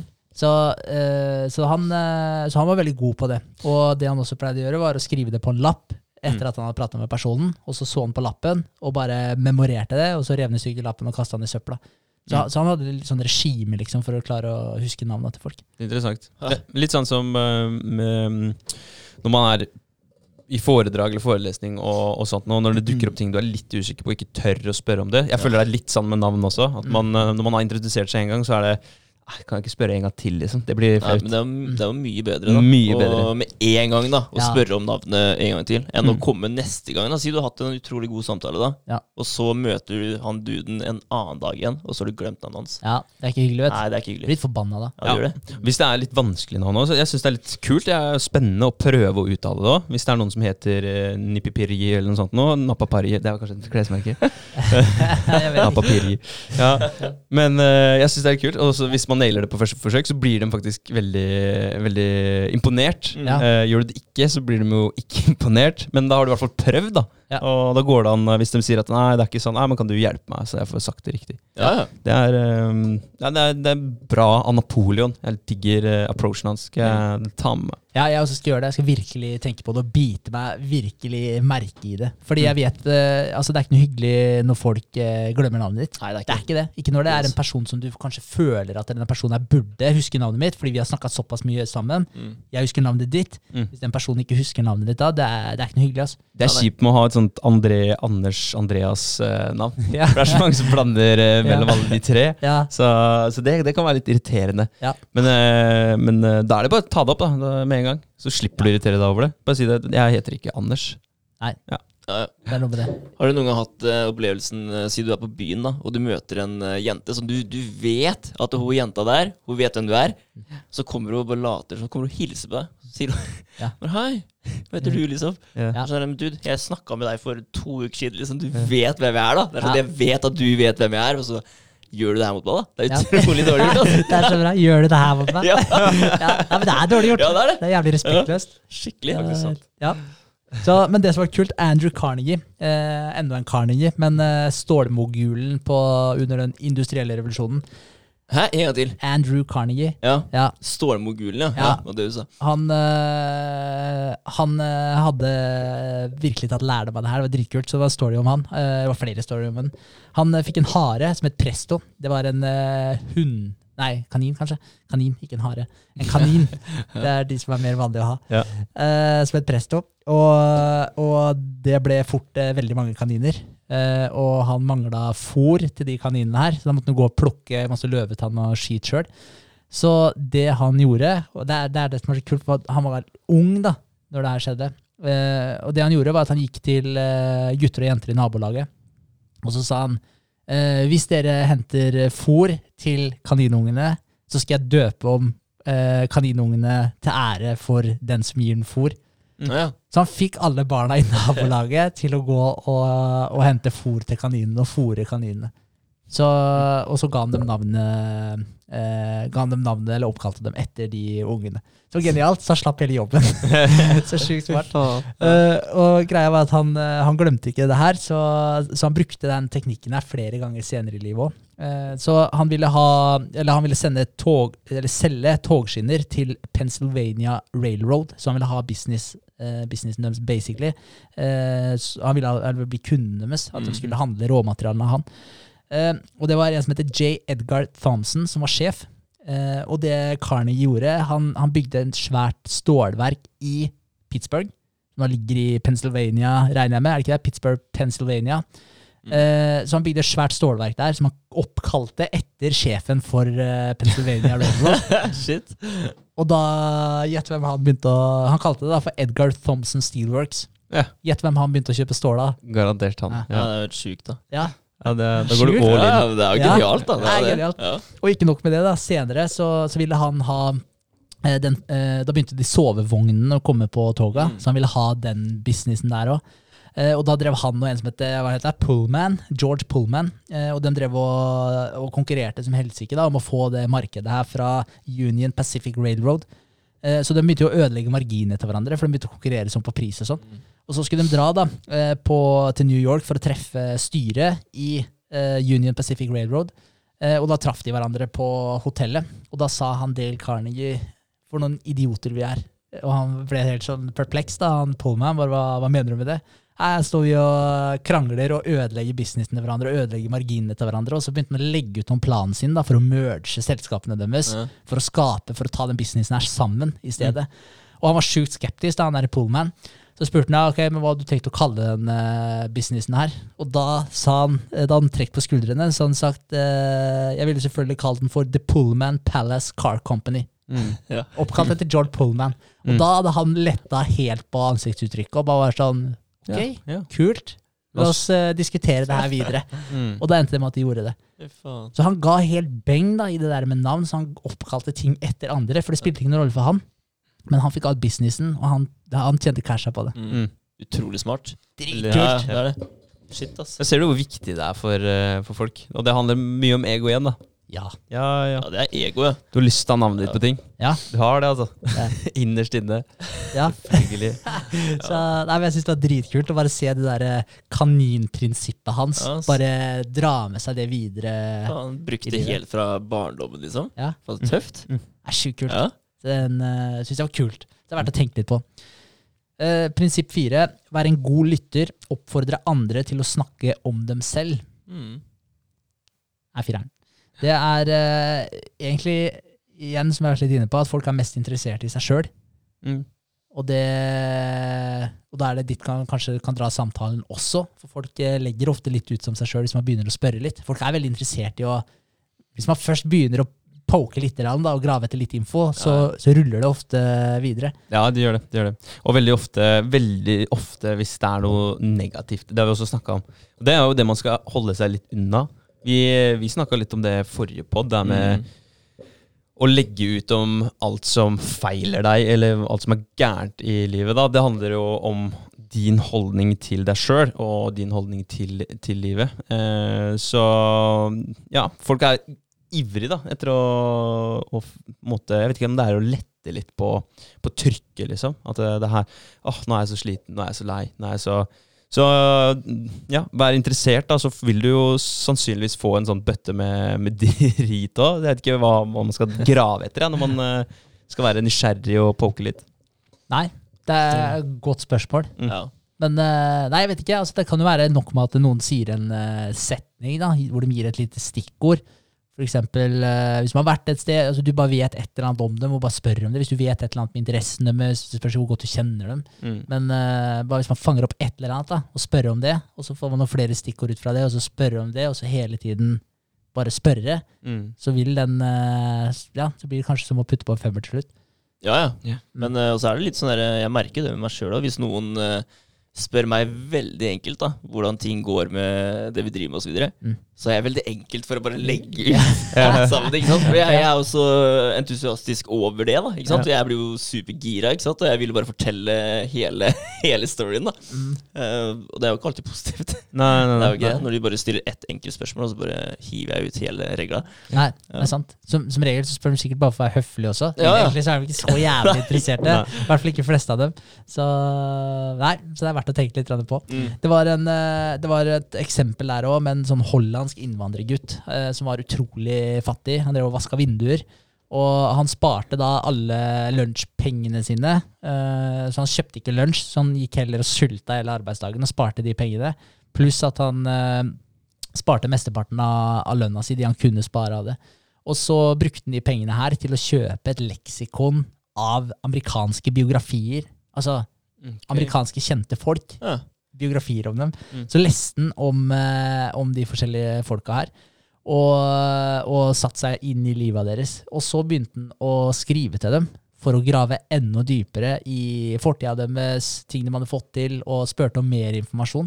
Og det som var så sjukt kult, da, det var at han skrev til eh, en fyr som eh, Hva het han? En lang eh, Jeg husker ikke helt navnet hans, men det var en som eh, Hva heter det for noe? Run for president. En som var Ja, presidentkandidat. presidentkandidat, ja. Ja. Eh, stilte til valg. da. Eh, så han, han skrev til han på den tida, ble invitert til kontoret hans og ble eh, invitert hjem til flere av disse kjente folka. Han skrev til James Garfield, Mrs. Lincoln, Lincoln. Mm. Sliter med det der, altså. Mrs. Lincoln.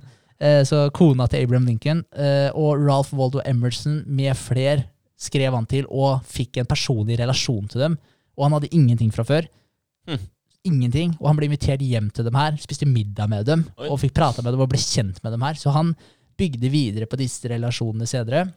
Og det endte med at han, eh, han stifta det mest suksessrike, eller han ble den mest suksessrike magasinredaktøren i amerikansk historie. Oh, shit. Det Eh, Så han gikk fra ingenting til det.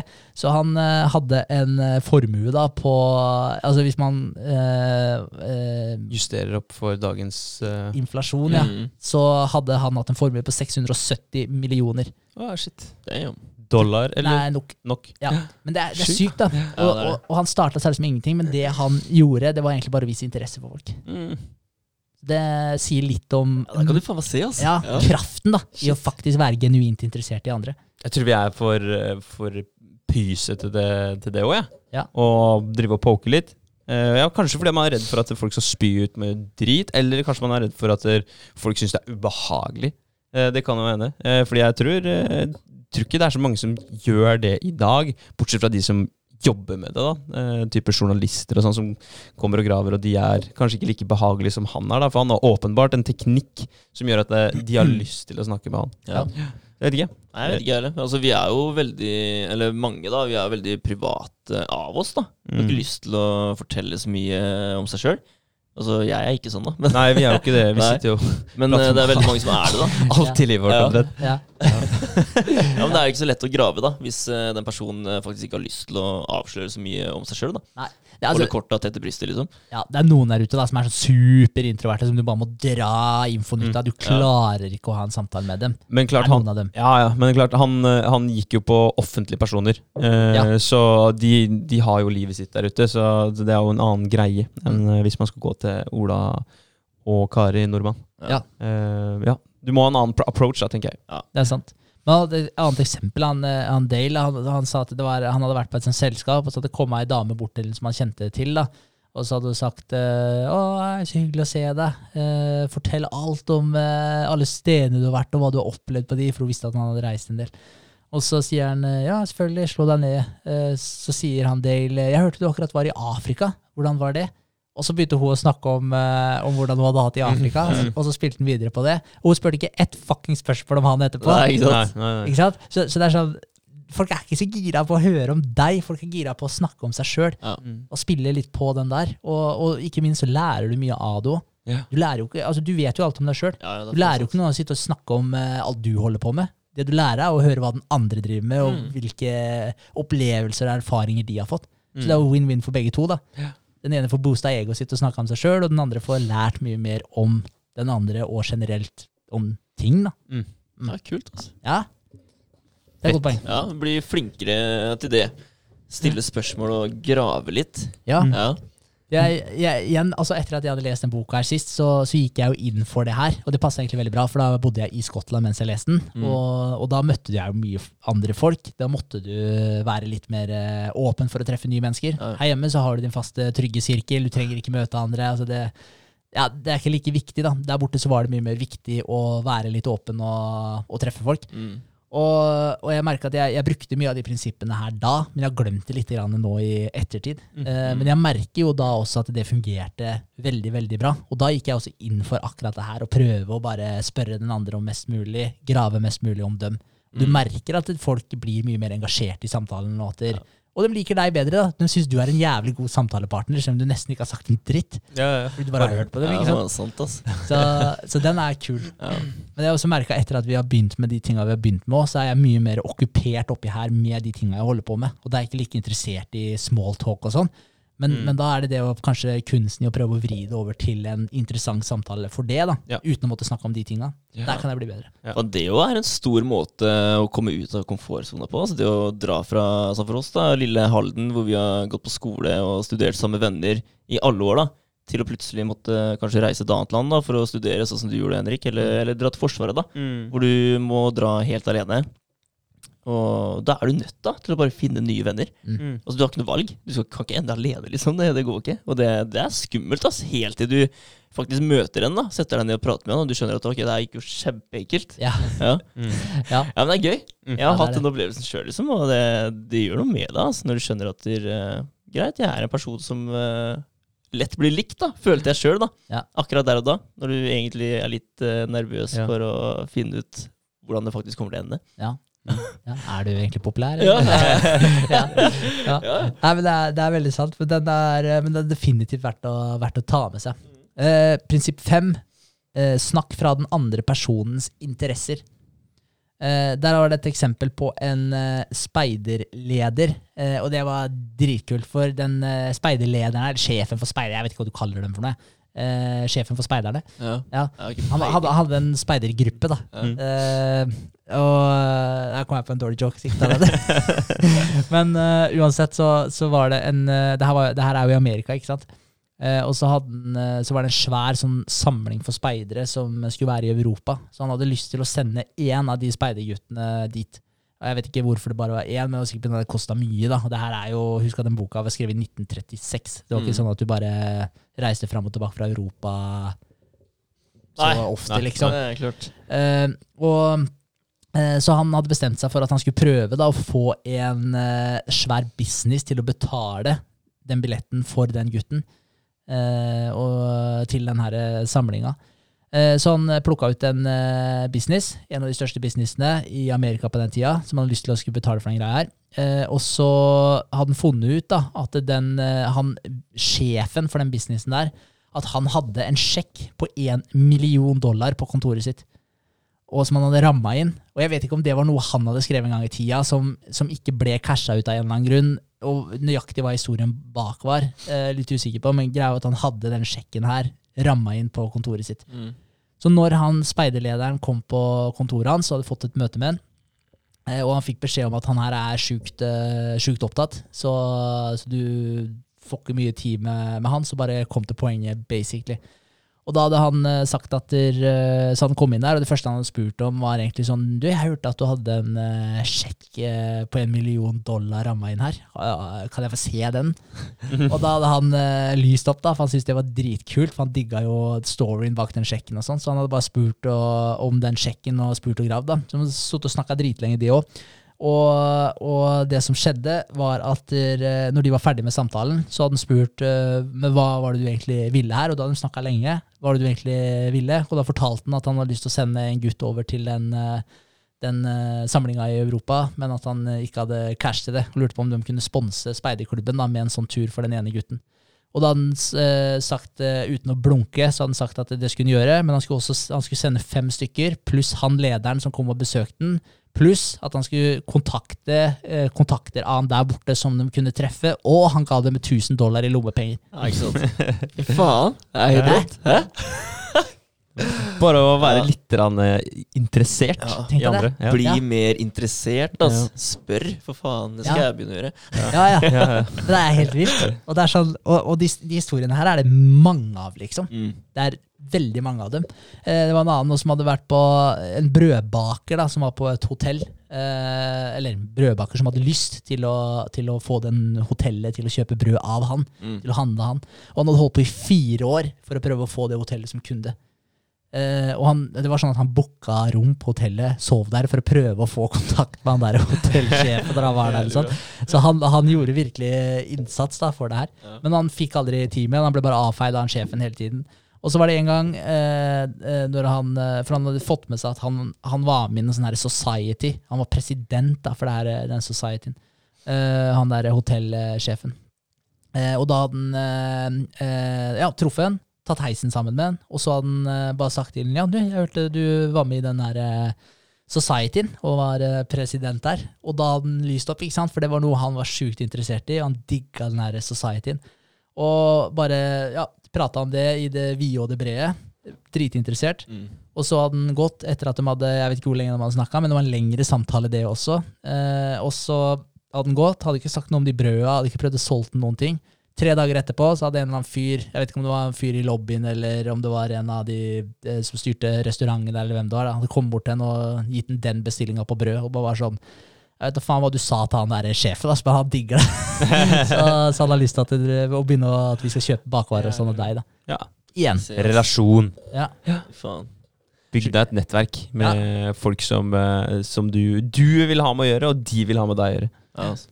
Helt klart. Ja, ja. Og da er det siste prinsippet for eh, det kapitlet der, og det er prinsipp seks. Og det er siste, siste prinsippet i del to, og det er det Ja. siste prinsippet jeg skal ta i dag. Ja. Uh, men det er eh, få den andre personen til å føle seg viktig, og gjøre det med oppriktighet.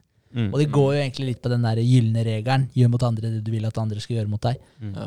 Uh, den, uh, der også var det en story om en fyr som bare ble kalt Mr. R. Eh, han dro til eh, Long Island med kona eh, og besøkte noen familie av kona der borte. Og hun kona hun lot han være igjen med den gamle tanta si i huset, mens hun dro og tra traff noen yngre venninner, da. Gamle venninner av henne. Ja. Eh, så han satt der og var liksom sånn Og han her også var i kurset til eh, Dale Carnegie. Så det som er litt fett, er at han får mange av de historiene her fra folk som faktisk har vært i kurset hans. Ja, ja. Og fortalt om liksom når de har testa prinsippene og sånn. Det er det som er så kult. Så, så han hadde sittet der da, med hun der eh, gamle tanta, og så hadde han tenkt bare ok, fuck it, prøve det ene prinsippet hans. Og det var jo å få den andre personen til å føle seg viktig, og gjøre det med oppriktighet. Mm. Så han hadde sittet der i sofaen med henne, og så hadde han liksom titta seg litt rundt, og så la han merke til huset hennes, at hun bodde i et veldig fint hus. Eh, Så hadde han kommentert huset og sagt at han syntes huset hennes så helt nydelig ut. Eh, og da ble hun veldig glad for det og begynte å snakke om, eh, om huset. Og det snakka om at de ikke hadde hatt noen arkitekt å se på det. Det var hun og mannen som hadde designa alt sammen sjøl og bygd det en gang i tida og var veldig stolt av det. Begynte å vise han her rundt i huset hennes. Og så Eh, og så ja, viste alle romma, viste alle stedene hun hadde vært. De hadde henta pynt og videre fra masse forskjellige land.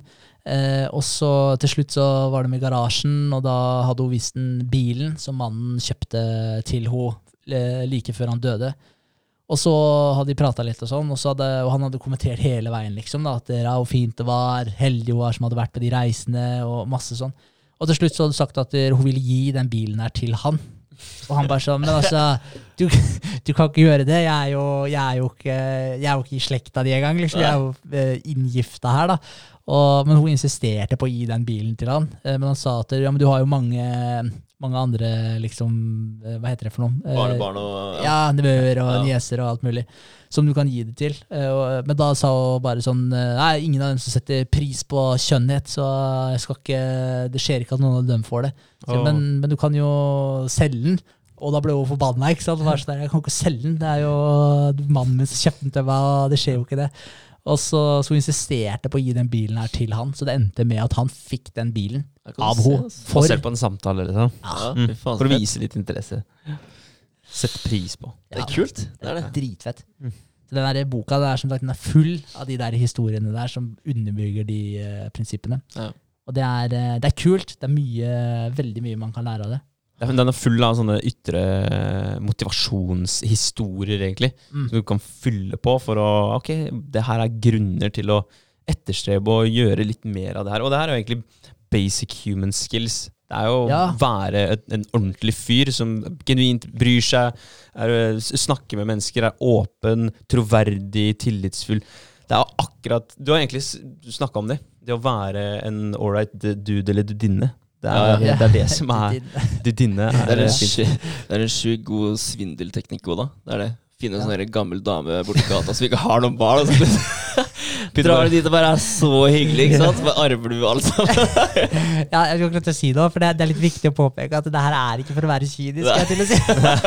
for det for det er, eh, det er som Andrea er inne på, det her med at det, er- det handler om å faktisk genuint være Ja. interessert i andre. Det handler om å genuint være en god person. Og med det så kan man få til veldig mye. Og det er ikke Ja, og det er liksom på en måte Det er en win-win. Du skaper win-win-situasjoner. Mm. Og dama der, da, hun hadde lyst til å føle seg litt viktig, da. Hun hadde lyst til å få oppmerksomhet. Og hadde lyst til å føle at hun betydde noe. Og når han komplementerte alt det her og viste så mye oppmerksomhet, og satt pris da, på de tinga som hun Hun har jo vært en ung, sprek dame en eller annen gang i livet, ikke sant? som har levd på lik linje med alle oss andre. da. Og når noen kommer og virkelig viser interesse for det, så det minste hun kunne gjøre, følte hun, var å gi han bilen. Mm. Det er jo ja, verdt å ta med seg.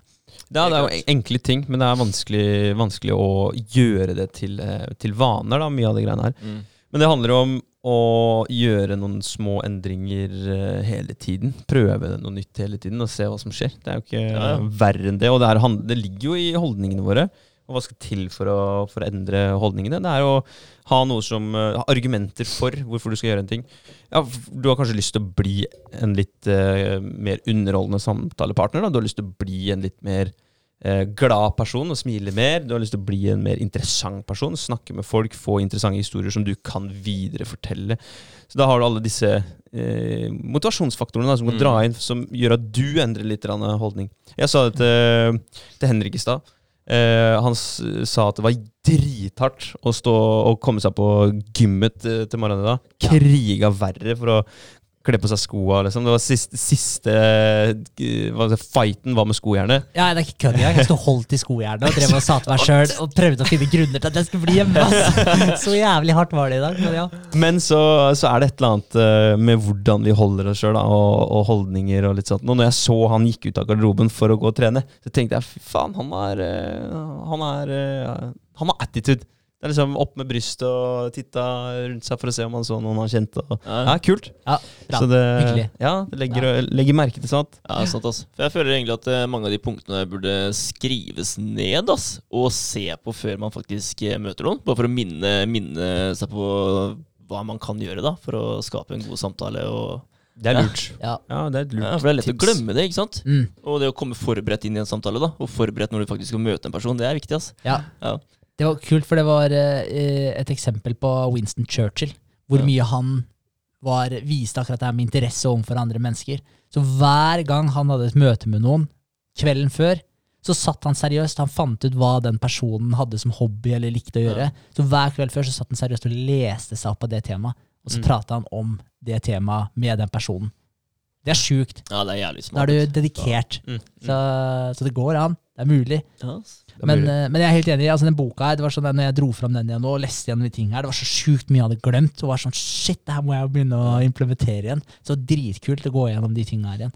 Og det er definitivt noe man burde ja, skrive ned. Nå har jeg heldigvis skrevet ned halvparten.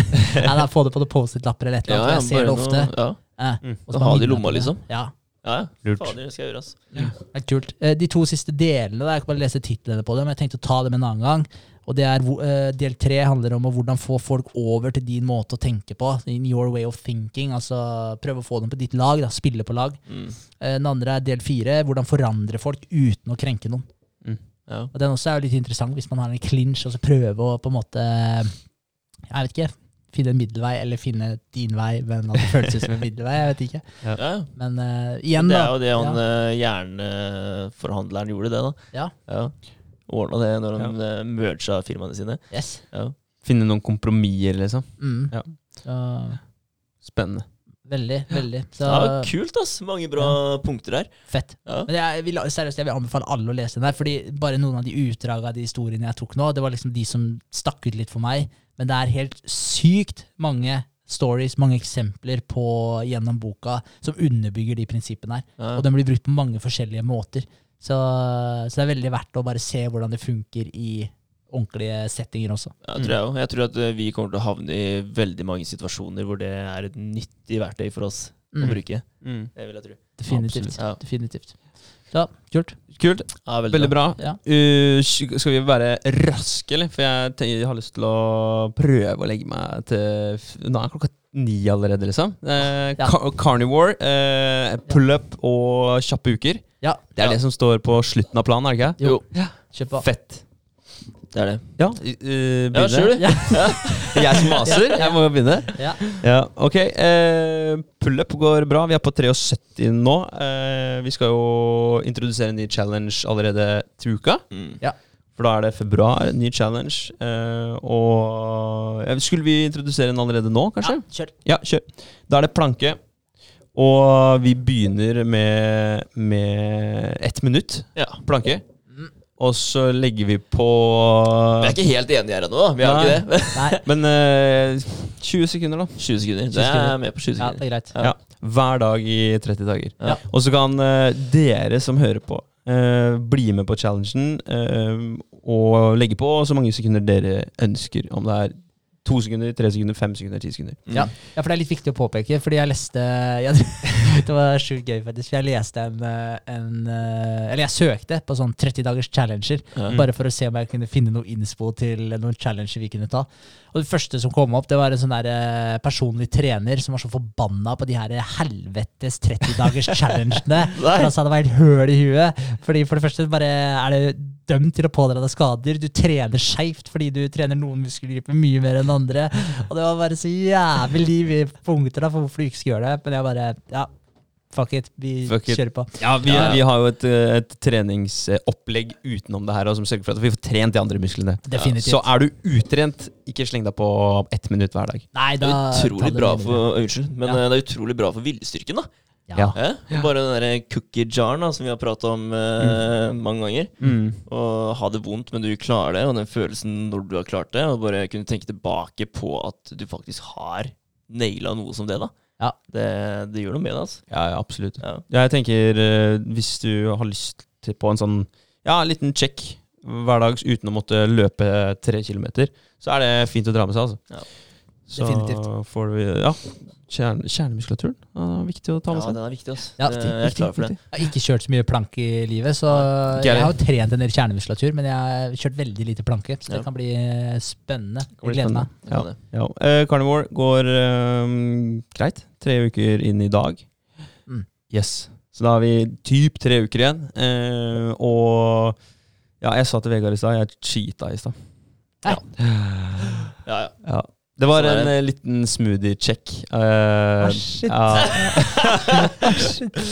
ja. ja. Så, eh, og jeg, had, jeg har ikke samvittighet til å, til å ikke si det, så jeg tenkte da sier jeg det på poden. Ja. Så kan alle høre hvor Nei. jævlig eh, Hva skal jeg si svikende jeg er, da. Jeg var litt skuffa, André. Ja. Men, eh, men Men nå har det seg sånn respekt at vi- du sa det høyt, da. Jeg Ja. har spist Ja. pølse, da, holdt jeg på å si. Sånn eh, Ja. Pølsebiter.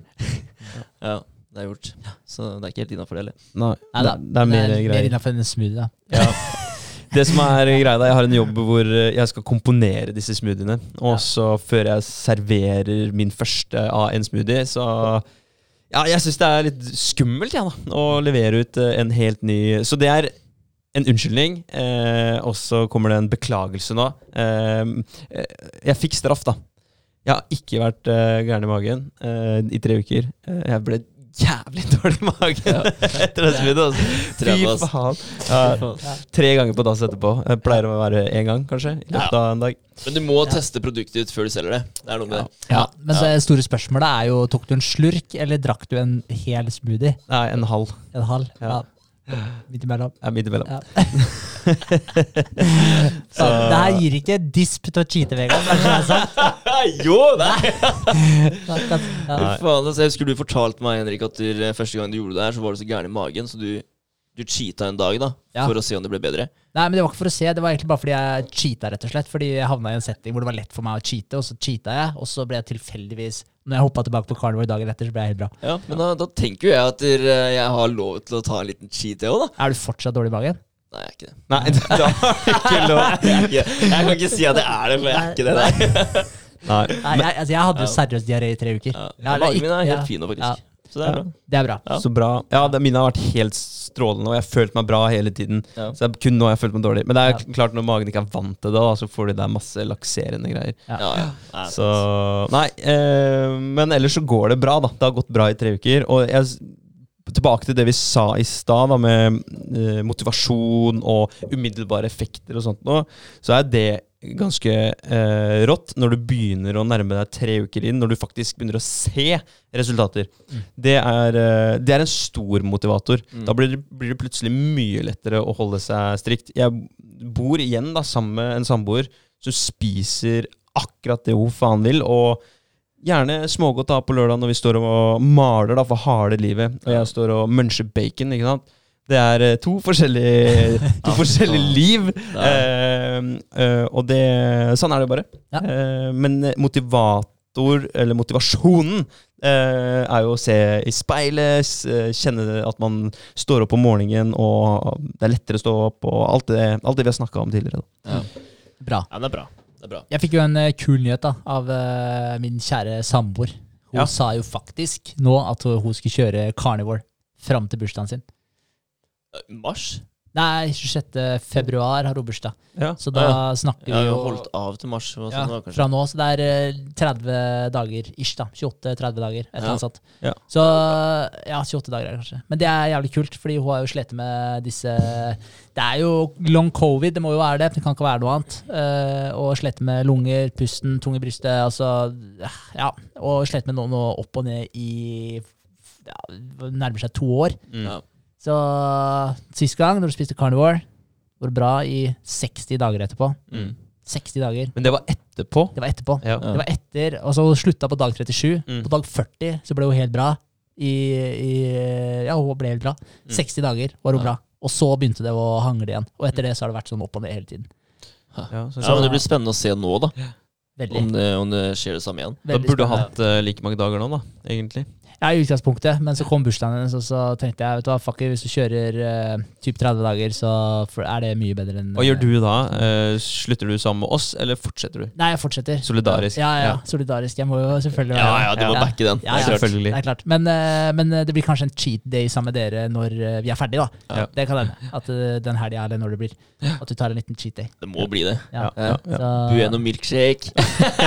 ja, det er spørsmål hvor jævlig hardcore jeg skal cheate òg, da. For uh, det blir jo helt sjokk for kroppen, da. Ja, ja. Det Man bare får i seg 150 gram sukker på en kveld, liksom. Det er jo Ja, helt shit. klikk, da. Ja, det blir Ja. sjukt, altså. Jeg gleder meg til å bli unge. Sitter på ramma hele kvelden. Å, fy faen. Ja, nei, så, men uh, litt av cheatings, det, det blir det nok med dere. Ja. Og så er det rett tilbake eh, sammen med Sofie. Solidarisk. Ja. Det skulle bare mangle. Ja. Ja, det er bra. Det er Så da er det bare å hive dere med. Ja.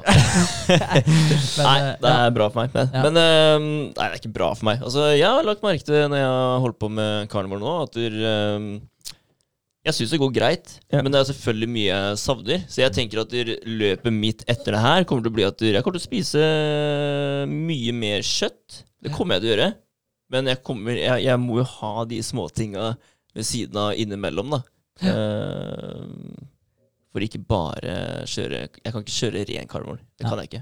Jeg, må, jeg, kommer til, jeg kommer til å spise mye mer kjøtt. Jeg, Mm. og holde, holde litt renere da, og mindre sukker. Jeg kommer til å drikke mye mer vann. For det, det syns jeg er Jeg synes det er veldig ålreit. Mm. Jeg skjønner ikke at jeg ikke har gjort det før. Nei. Jeg har vært dårlig til å drikke vann. Altså. Ja. Det tenker jeg på nå. Mm. Det, det er jo digg. Ja, vann er Ja, egentlig. det er sånn her, eh, altså, jeg har alltid likt vann, da, men jeg, jeg, jeg har jo venner eh, Eller venn som sier at han hater vann. ja. Og det, for meg så er det helt høl i huet, Mikael. det er det. Så jeg kommer helt klart til å ja, bli flinkere med, med tanke på hva jeg spiser. Det kommer jeg til. Men eh, jeg vil også ha litt fast food innimellom. Følg han derre um, Ja. Paul Saladino. Han, animal based. Da er det ikke full on carnivore. Men jeg, jeg har troa på det. Ja. At du har det, de tinga som ikke inneholder de måte, giftstoffene for kroppen, eh, men som er eh, ting kroppen tåler ganske bra. Da, Ja. da er det vel Du kan spise melon, eh, ha honning som en søtning. Eh, du har noe um, meieriprodukter du kan spise i tillegg til ost, så du får litt mer variasjon. Ja. Eh, Bær, vel. Bær kan du spise, Ja. og det er jo, det er jo magisk. Ja. Eh, Få litt den der friskheten og sødmen og sånt noe. Så er det jeg vet ikke, bare, bare krydder, da. Altså, det gjør jo veldig mye. Det er salt og pepper. Det, det, det funker, det, men du blir lei det òg.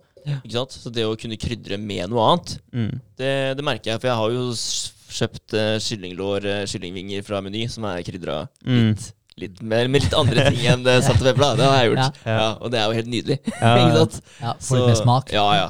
Men uh, ja, ja, jeg har også kjørt én full uke med mellom 25 gram og 30 gram lever. da Full Mm. uke. Ja, Hvordan har det vært? Det har vært dritbra. Ja. Eh, både fordi at du får uh, chugga masse vann på en gang, så du blir jo Ja, litt mer mett uh, av det. eh, fordi du, jeg skyller ned, vann, uh, skyller ned med vann. Men eh, nei, eh, energinivået den siste uka kontra uke to, Mm. mye, mye bedre. Mm. Og ja, jeg, jeg vet ikke. Jeg, jeg tror ikke det er bare placebo nå. Jeg kanskje var det første dagen. Ja. Jeg var supertrøtt fredag eh, kveld, og så spiste jeg lever. Eh, Lørdag og søndag var mye bedre. ja, ikke sant? Så i forrige uke. Kult. Jeg, jeg tror jeg skal teste å kjøre på litt mer der òg. Jeg har spist uh, to strimler, liksom. Sånne små ja. fislestrimler. Det er Eh, anbefalt 150 gram i uka, sånn cirka. Ja. Mellom 18 og 56 gram uh, for voksne per dag. Så det spørs jo hvor stor og tung du er. ikke sant? Ja. Men uh, jeg tok den der 150 gram i uka, og så delte jeg den på syv. Og så tenkte jeg ja, mellom 20 og 30 gram et eller annet sted. Ja. Uh, det skal jeg fòre på. Ja, det jeg skal teste. Jeg, og jeg så på han derre Liver King. Ja, har Han er jo helt sjuk, da. Altså, Nå spiser jo ikke han bare carnivore, for å si det sånn. Nå spiser jo han egentlig Hva er det som plinga her? Ja, det var et av Ja. karene der. Ja, ja, Men uh, nå spiser jo han eh, Han spiser faktisk en del carbs òg, så jeg. Mm. Han spiser jo ris og poteter og sånn. Men han spiser ikke grønnsaker. Det var litt komisk. Mm. Han bare, jeg har ikke følt for så mye på han fyren her, men jeg bare scrolla gjennom Instagramen hans. Ja. Og han bare sitter her og har sånn derre eh, kyllinghjerter, eh, lever, eh, bone broth, beinmarg. Mm. Eh, og så spiser han testikler, da. Rå testikler. og, så, eh, og så spiste han sånne boller med ris, og så hadde han noe avokado. Og så sier han sånn eh, And here I got a bowl of vegetables. That was a joke. og så hadde han en sånn der leverblanding. Da, bare, ja. men, men han var tydeligvis helt imot uh, grønnsaker. da. Jeg vet ikke om det har med uh, toksiner å gjøre, eller hva det er. Men, eh, men anyways, når jeg så han spise lever, Mm. så tenkte jeg sånn Fy faen, for fitte jeg er. Yeah. Du spiser og stripper meg og syns jævlig synd på meg sjøl. Liksom. Bare så, vet du hva, Ta det sammen. Han sitter faen meg ja. Så bare hev Ja, ja. ned på han. Jeg satt der og brakk meg, liksom. Ja. Men den var rå, da. Og Ja. ikke fryst. Ja, han tar Det- seg frossen. ja. Det gjør han. Og det, ja, det er det jeg Ja, gjør. og så salta han på, og tok godt med salt på, og så bare mokka han innpå. Så, så jeg tenkte sånn, jeg skal steppe opp levergamet mitt, jeg òg. Ja, Men jeg fikk en kommentar av Sofie i går, for da smakte jeg på lever. Og så, og så hadde jeg drukket litt kaffe, og så var det sånn komme hjem.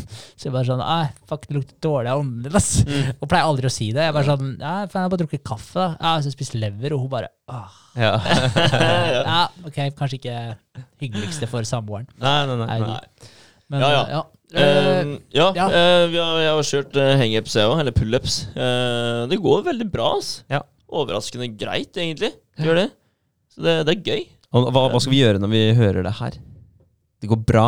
En challenge skal være Ja, hard og hardt, da. Det er hardt, men Ja. jeg føler at du, eh, Ja, For positiv, altså. Ja, for det, er, lett. Det er for lett. Jeg føler at eh, ja, stigninga funka det har, vært, Ja. det har vært en bra stigning, da. Ja. Altså, jeg tenkte jo at det var altfor mye per gang eh, når vi prata om det i starten. Mm. Men eh, jeg syns det har gått eh, greit sånn sett, da. Ja, for nå er vi på 73, eh, Ja. og det begynner å ta litt tid. Jeg begynner å bruke en 20 minutter på det brått. Eh, for jeg fordeler det utover Jeg gjør det gjerne når jeg trener, snakka vi om i stad. Ja. Tar det mellom eh, andre ting på trening. da Ja. Så mellom benk og mark og alt mulig sånt noe. Mm. Og når det er hjemme, så kjører jeg seks-syv reps av gangen, og så t- står jeg litt på hendene da, mellom eh, setta. Ja. Ja. Mm. Det er ålreit. Ja. Eh, og sånn uh, jobbmessig så um, Vi har jo fått en, han utvikleren da, til å begynne med hjemmesiden vår nå. Ja, Det er jævlig spennende. Jeg gleder meg til å se hvordan det blir etter første milepæl da, Ja. for han. Han har delt den opp i tre, tre grupper da, som han skal jobbe med. Så starter han med første, den har vi betalt, betalt for nå. Ja. Uh, og når den er ferdig, så viser han oss den, og så hvis vi er fornøyde da, så starter han på neste. da. Mm. Det gjør den. Så det blir, det blir gøy å se. Hva er første steg? Når er det forventa ferdig? Uh, 15 dager skulle hun bruke på det, mener jeg sa. Ja, uh, da setter han opp uh, type backend og front-end, da. Får du tilgang til å gå inn og redigere på ting og sånt nå? Nei. Nei, han kommer til å sette Eller jeg har ikke spurt om det, heller, da. Men eh, han kommer til å sette opp alt sammen nå, og så kommer han til å integrere det i hjemmesiden vår da, til slutt. Ja, okay. men etterpå så har du muligheten til å gå inn og redigere. Ja, ja. ja, ikke, men siden ikke, blir vår. men, ja, men ikke Ja. mens han holder på. Nei, men Nei. når han er ferdig, så har du muligheten. Ja, ja. Ja. Det gjør han. Ja. Nå Vegard lærer seg å kode. Så det blir, det blir litt koding der, men uh, han sa at det skal være helt uh, funksjonabel for oss å styre med. Ja. Mm. Kult. Ja. Så bra. Det Fett. er vel det. Ja. Ja, nei, det er samme her. Altså, vi har holdt på med litt med hjemmesida. Nå er Sofie på gang med litt design. Ordner det. Så for å piffe den opp litt. Litt Mm. sånn der tekst og farger og ting som ikke vi er så vanvittig gode på. Så Nei, det er veldig altså. greit å få en liten feminin touch på det. For det, det er litt forskjell her. Det, det er det. Vi, ja, vi, er ikke i nærheten av å se det. Nei, nei. Altså, jeg, jeg sitter med appen og lager uh, treningskalender. da, Setter opp der, ikke sant? Og bare fargekodene der. Når det er uh, tre eller fire hester, da, og de skal ha liksom uh, Det blir jo litt forskjellige farger der, da. Jeg syns det er vanskelig. Ja. Få det se fint ut, liksom. Det er, jeg er elendig på design. Eh, Jeg har ikke øye for det i det hele tatt. Nei, hvis du skal inn hvis du skal, Nå har vi nettopp mala hjemme, da, jeg og Kristin. Og, og hvis du skal inn og velge farger på vegger og sånt noe Det er jo en grunn til at uh, Jotun har et sånt kart uh, og et eget uh, et, et sånn type male konsept som heter Jotun Together, hvor de viser disse fargene. Ja, den, Disse passer, den blå fargen her og den røde fargen her passer bra sammen. Disse palettene her bør du ha sammen uh, i gråtoner, i lystoner. Mm. Og det samme med, med de som jobber med det her òg. De, de velger jo kun ting som passer sammen, mens vi kanskje i starten, når vi holder på med det her, bare fingeren opp i lufta. Eh, Ja, sånn. Kul farge, kul farge. De går vi for. Ja. Og så er det ikke noe videre tanke bak det. da. Mm. Hva representerer den fargen? Hva, hvilke kombinasjoner kan vi bruke? Kan vi bruke den med svart eh, tekst, med hvit tekst? Funker den med disse bakgrunnene, denne bakgrunnen? Ikke sant? Det er Mm. mye å tenke på. altså. Ja, det er det. Ja, det er Veldig det. mye å tenke på. Jeg syns, det er, jeg på en måte det er lett å se det når det er ferdig. Bare sånn, Ja. ok, det her ser bra ut. Mm. Det her ser fint ut. Men jeg, men jeg har ikke sjans til å komme meg fra A til Å. Nei. Når jeg bare ser når Å er bra, så er det sånn, ok, tommel opp. Ja. Men jeg bare Nei, jeg ser det ikke. Nei, Nei. ass. Det er Herregud. veldig Ja. Ja. Men eh, ja.